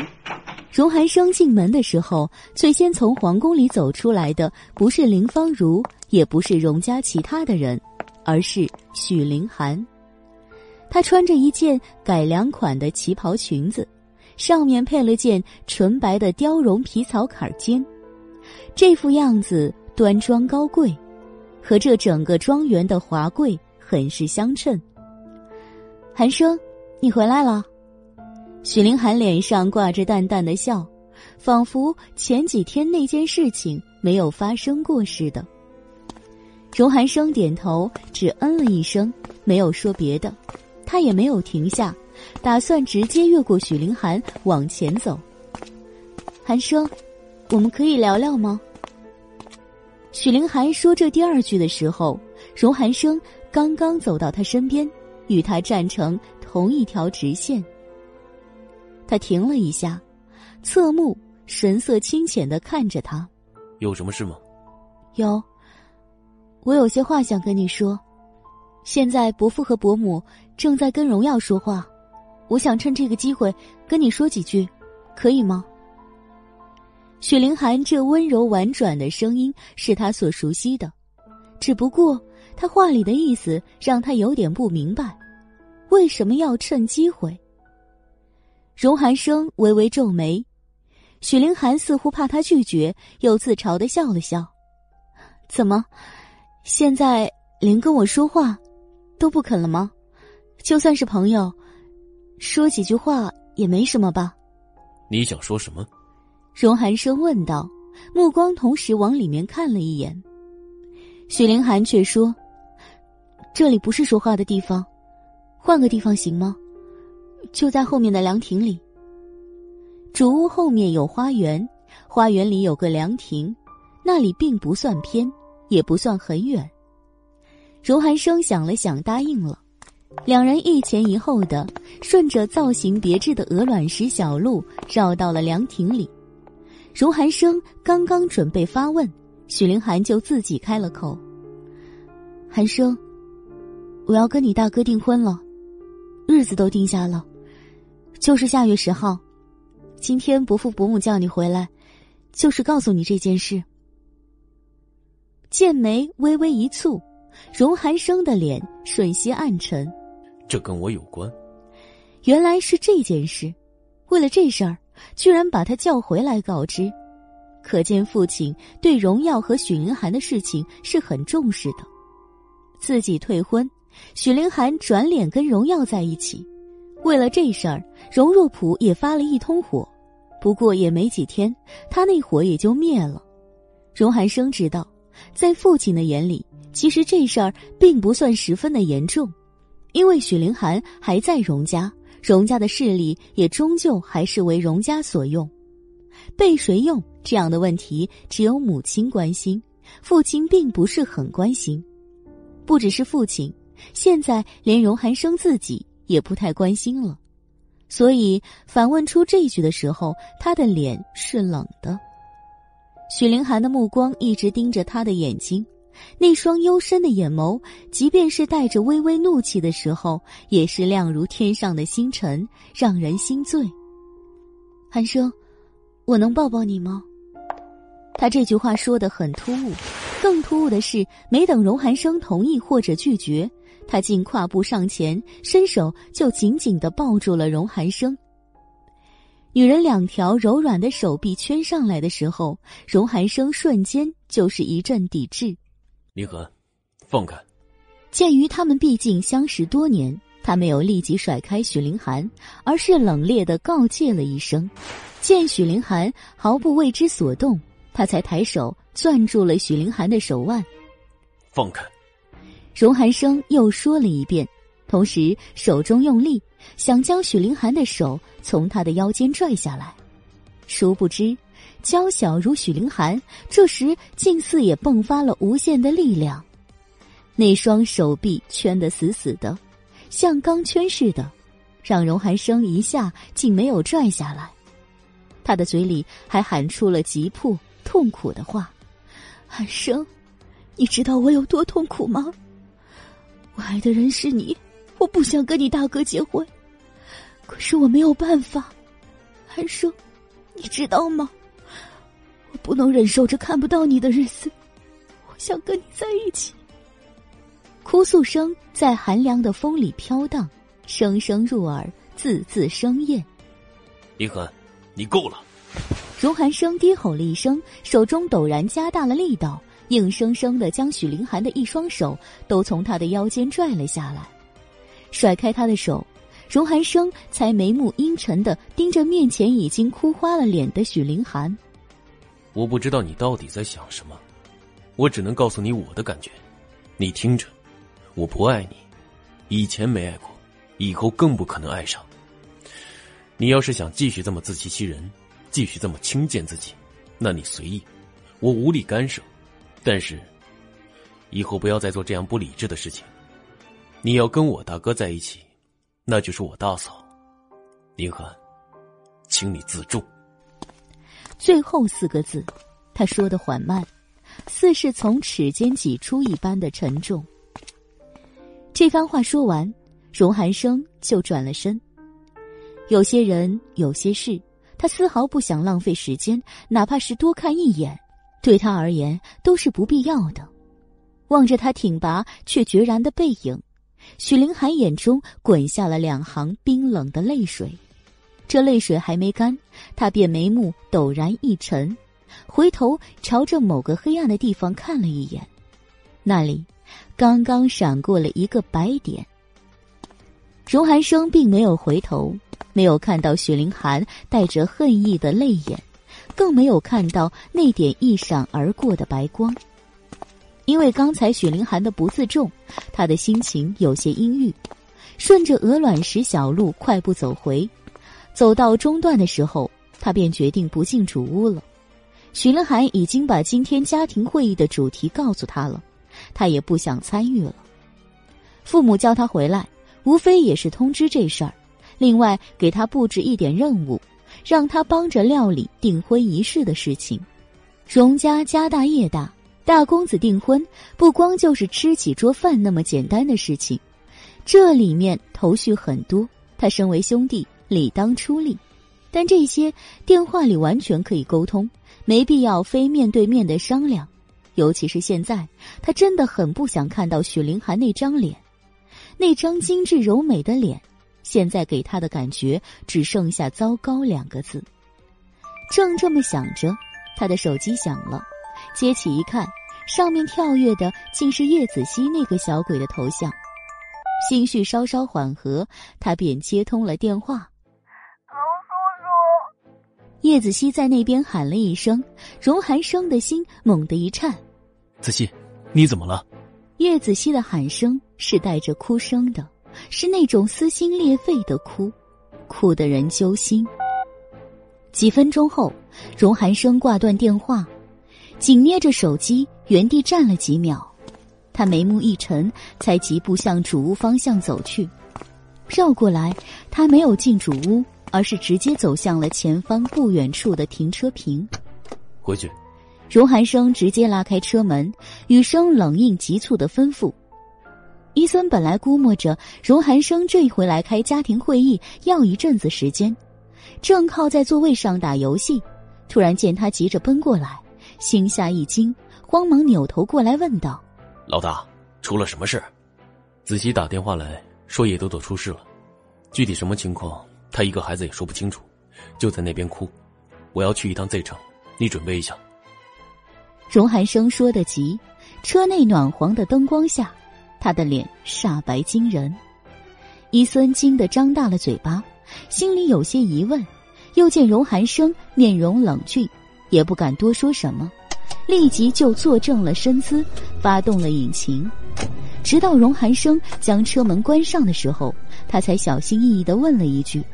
老爷和夫人还在等您，您不先进去打个招呼吗？不去。荣寒生回得干脆，伊森立即闭嘴转了过来，刚准备踩油门的时候，他就听见不远处有人叫，车窗未关，那声音听得很清楚，是林芳如的声音。伊森没敢把油门踩下去，荣寒生皱了皱眉，摇下了自己旁边的车窗：“你怎么来了又要走？”林芳如一脸不高兴，刚刚他就听佣人说荣寒生进门了，等了这半天不见，跑出来却见他要走。妈，你们找我来要说什么事？我已经清楚了。大哥和林寒的事情现在跟我无关，他们怎么样我都不想参与。现在我还有重要的事情要办，别的我就不多说了，我先走了。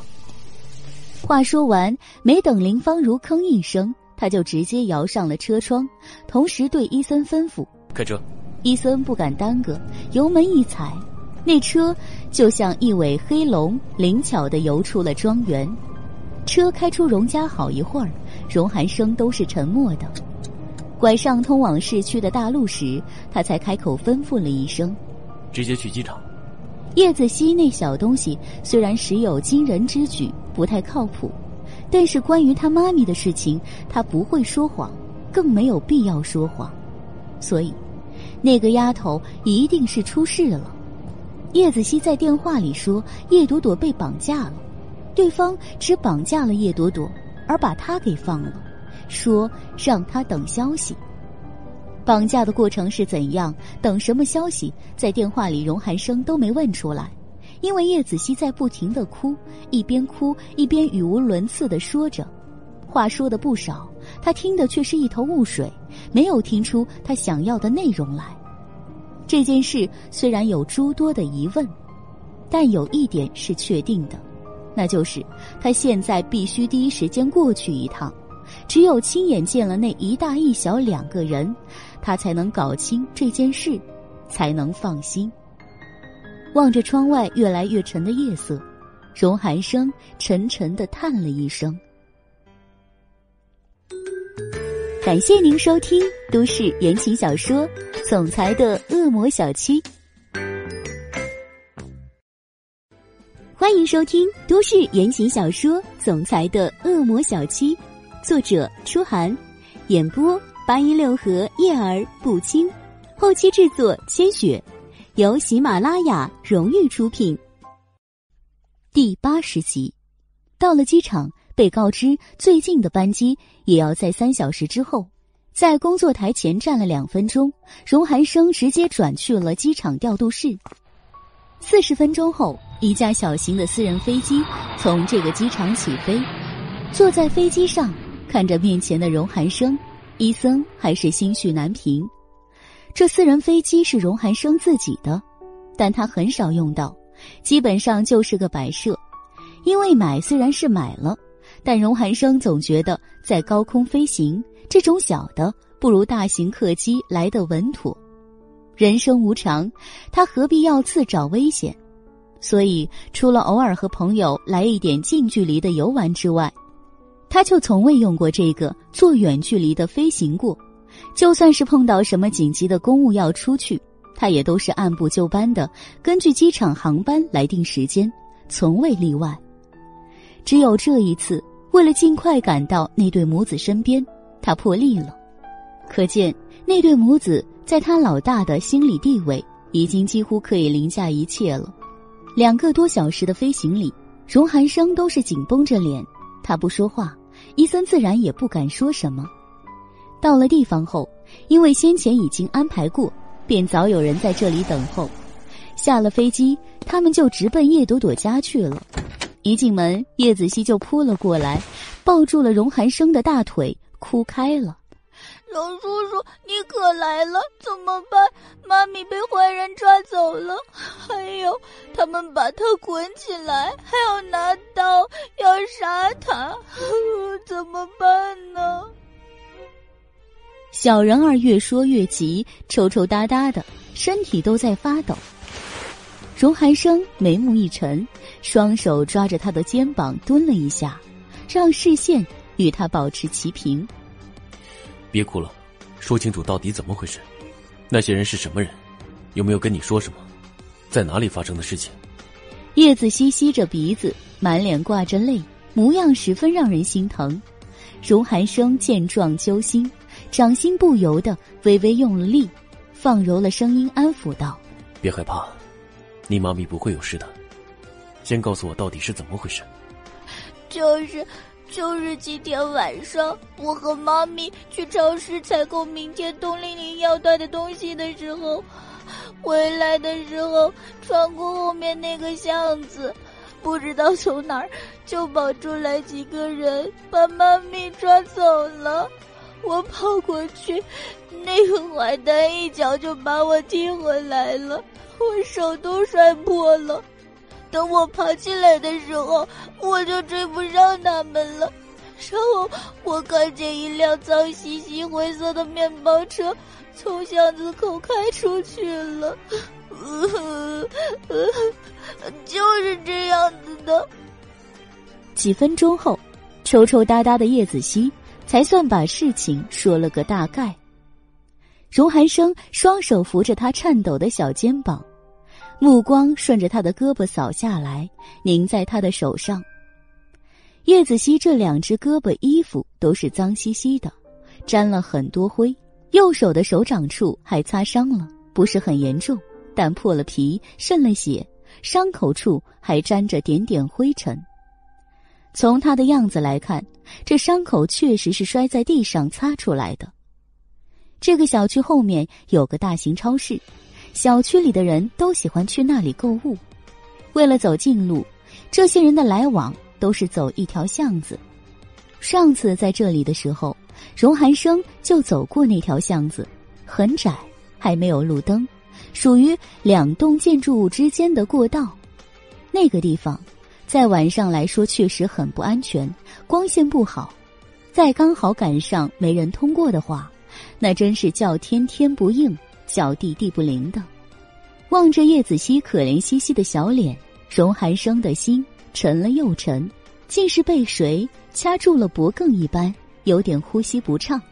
心思转回，他又盯着叶子熙哭花了的小脸说道：“你刚才说的捆起来杀他是什么意思？”在叶子熙的第二段表述中，他只提到了叶朵朵被抓。既如此，他哪知道后来的事？荣寒生面带疑虑，叶子熙眨了眨满是眼泪的大眼，愣怔了几秒，突然挣脱开他的手，转身朝自己房间跑去。没一会儿，他就拿出了自己的手机来。荣叔叔，你看我手机上接收到的视频。荣寒生蹙眉，拿起手机看着，越看他的脸越沉。到最后，阴的能滴出冰水来。在这段视频里，叶朵朵被绑在椅子上，双手反绑，双脚被绑在椅子腿上，腰上也缠着几道粗绳索。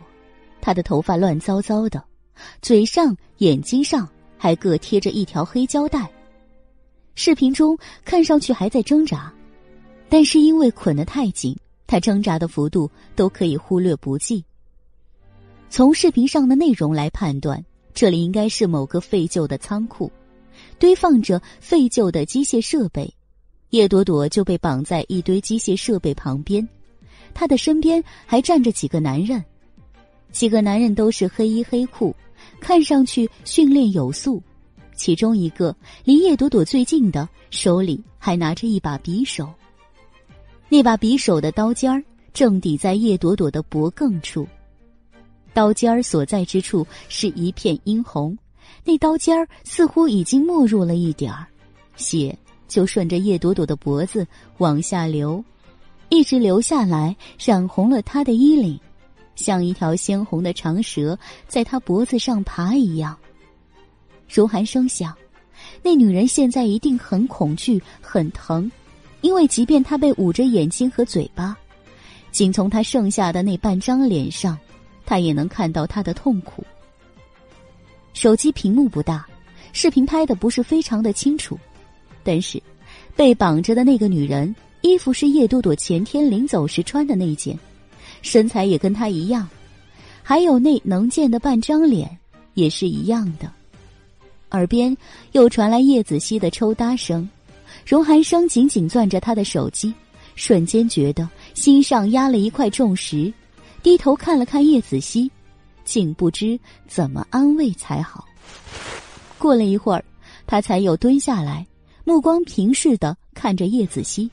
这段视频是怎么来的？我回来不久后，手机上就收到了呀，号码也查不到，只显示的是陌生号码几个字。荣叔叔，你说他们想干什么呀？要钱吗？是不是要钱？荣寒生也不清楚，只能说有这个可能。绑架者一般都是这样，先给你看点厉害，然后再提价码，心理上先给你一记重击，他便好开口要高价。想了想，他便安慰叶子熙说道：“如果是要钱的话，那我们先不用担心。想要钱，他们就不会太过分。”嗯。叶子熙乖乖的点头，小嘴还是撇着，时不时的抽打几下。荣寒生见眉微微一锁，想起什么似的，又问道：“你没告诉你袁叔叔？”“没有。”叶子熙摇头，张大泪眼盯着荣寒生，认真的说了一句话：“荣叔叔，我不想告诉袁叔叔，袁叔叔对我们是很好，可是他不如你厉害。”我相信只有你能救我妈咪，而且他也很忙，我不想打扰他。言语间信任和亲疏都表现得清清楚楚。小东西爬满了眼泪的脸十分的严肃，大眼睛中闪出的晶亮光芒，在荣寒生的心里轻轻的戳了一下，心头那点柔软处微微一疼。荣寒生长舒了一口气，手臂一收，将叶子熙搂进了怀里。好，你放心，叔叔一定把你妈咪带回来。说完，沉默了一会儿，他便站起，转身朝伊森吩咐道。找人去查周边的监控和这个仓库，另外，弄一套定位的设备过来。这么做是为了等绑匪打电话过来的时候，好定位对方的位置。警匪片里都有这样的场景，叶子熙都知道，自然也没多问。伊森应了一声后，转身疾步离开。他走后，荣寒生才又转向了叶子熙：“好了，先让他去查一查，我们在家等消息。”他拉着叶子熙走到沙发边坐下，又问：“吃饭了吗？”“没有。”叶子熙撇着小嘴，“吃不下去。”荣寒生皱了皱眉，又站了起来。“一晚上不吃饭怎么行？家里有什么吃的？”他转身朝厨房走去，走了几步，就听叶子熙难过的说道：“昨天晚上超市买的东西，都丢在巷子里了。”家里好像什么都没有。荣寒生应了一声，没说什么，还是走进了厨房，翻箱倒柜的找了半天，他才从最上层的储物柜里找出一袋子没开封的意面。他对厨艺也没什么心得，只是喜欢做蛋糕而已。不过这煮个意面，大概也不难。没多想，他就开始洗锅煮面了。厨房里翻不出还能用的食材，他只能把意面当面条一样煮熟了，加了油，加了盐，完事儿了就盛了起来。吃吧，将就一点，等妈咪回来，荣叔叔带你去吃大餐。他将面放在了叶子熙面前，故意轻松的说道。叶子熙抬眼看看他，没说什么，接过了他手里的筷子，就低头吃起了面。怎么样？还能吃吗？荣寒生在他身边坐下来问道：“他自己也没心思去关注面的味道，这么说只不过就想轻松一下气氛，让叶子熙这个小可怜别再这么担惊受怕了。”哪知叶子熙听他这么一问，竟停了一下，扭头认真的说道：“不好吃。”他模样认真，荣寒生愣了一下，觉得好笑。便说道：“不好吃也只能将就了，我只有这个水平。嗯，不过你妈咪的水平大概也就这样。”“嗯嗯。”这次叶子熙点头点的飞快。妈咪煮的东西也不好吃，而且她也只会煮面，其他的都不会。呵。荣寒生笑了笑，神色比刚刚轻松了很多。对，你妈咪确实够笨的，不像个女人。那荣叔叔，你去学煮饭好不好啊？叶子熙不知道哪根神经得到了启发，神来了一句，把面碗往桌上一放，歪着脑袋问道：“他那小脸上泪水还没干，问起这话的模样却相当的严肃。”荣寒生愣了一下，俊眸浅浅一眯，勾唇轻笑道：“ 为什么要我去学？”因为你比妈咪聪明啊，学起来肯定又快又好。一个家总要有人会做饭的，不然只能天天吃白水煮面，多难过呀！叶子熙小脸垮下，荣寒生微微动容。你是说，你希望我们成为一家人？是啊，叶子熙答得干脆。那还沾着泪的长杰扑闪了几下后，又说道：“你长得帅。”钱又多，人也厉害，给我妈咪那种笨女人当老公最好了。这话听着怎么那么功利呢？想着这么坦白的话从一个孩子嘴里说出，他觉得好笑，伸手揉了揉叶子熙那毛茸茸的脑袋。可是，你妈咪她不这么想。没关系，她很快就会这么想了。叶子熙说这话认真肯定的样子，让荣寒生一震。为什么？因为有我啊！叶子熙拍了拍小胸脯，荣寒生盯着他看了一会儿，笑笑，然后说道：“ 好，那我等着。不过现在赶紧吃面吧，就算不好吃，也比饿肚子好。”嗯，叶子熙答应一声，没再说什么了，低头重新吃起了面。他吃完面没一会儿，就有人送来了一套定位的设备，另外还有专人负责监控。两人朝沙发另一侧挪去，腾出了个位置。调试好了之后，荣寒生便让叶子熙先回房间睡觉，这里有他就可以了。可叶子熙却不肯，他坚持要坐在这里等。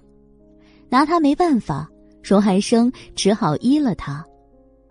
这一夜，几个人就都围在这个茶几上坐着，一夜未眠。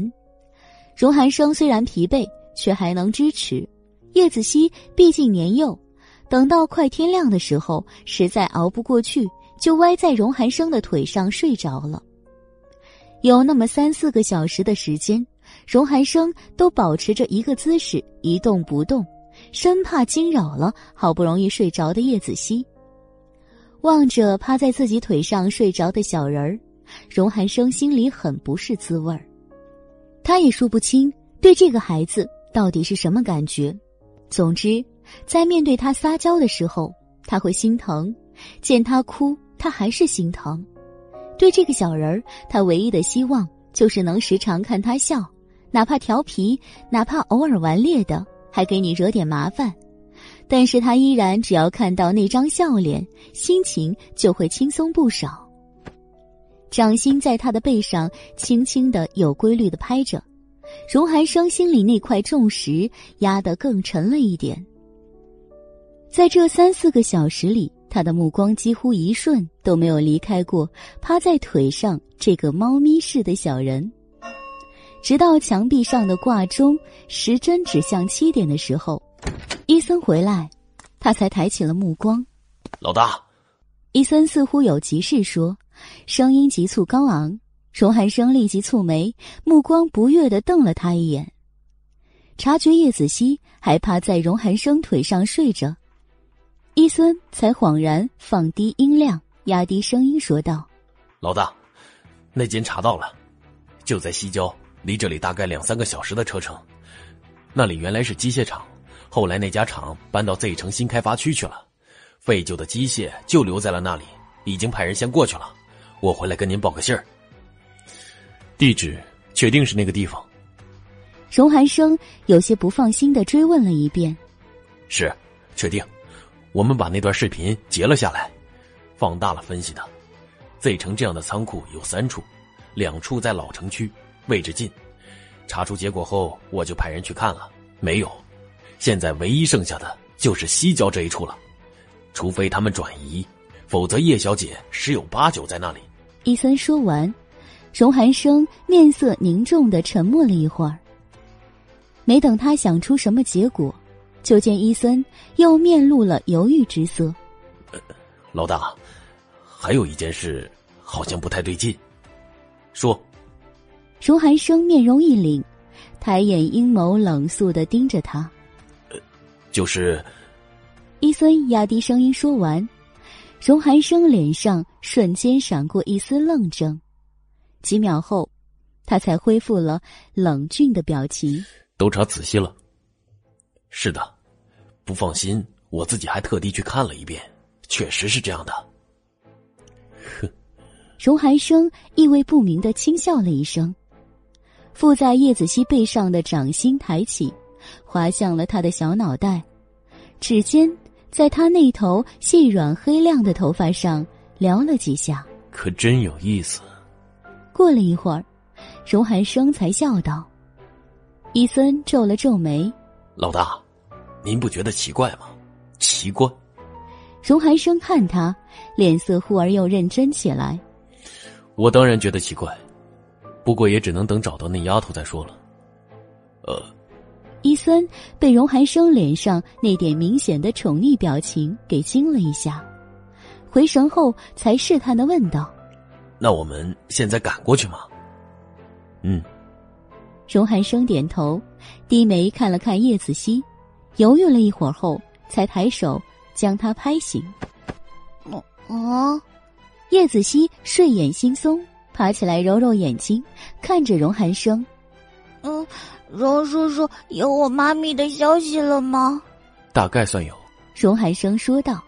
叶子熙那双显得有点肿胀的小眼睛眨了两下，不解的问道：“什么叫大概算有啊？”那间仓库查到了，在东郊，已经有人过去了，不过还没到地方。至于你妈咪现在还在不在那里，那就不能确定了。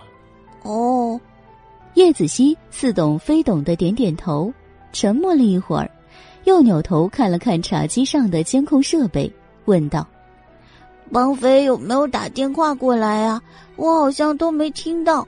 没有，到现在为止，你家的电话、手机都没响过。荣寒生脸色微微的凝重，盯着叶子熙看了一会儿，见叶子熙小脸皱起，又要难过，他才扶了扶他的肩膀，站起来说道：“好了，不要太着急，我们现在就过去那边看看什么情况，把你的手机带好，也许他们会打电话给你。”哦，好的。叶子熙站起，认真的点头。荣寒生也没多跟他说什么，吩咐了伊森几句之后，就带着叶子熙和相关的人出了门。去东郊的路上，车如风驰电掣的在路上狂飙。叶子熙这小东西显得心事重重，一路都是低着头，闷不作声。荣寒生坐在他身边，偶尔侧目看看他。目光亦是深邃而幽深，现在他只希望叶朵朵那个丫头没事就好。感谢您收听都市言情小说《总裁的恶魔小七》。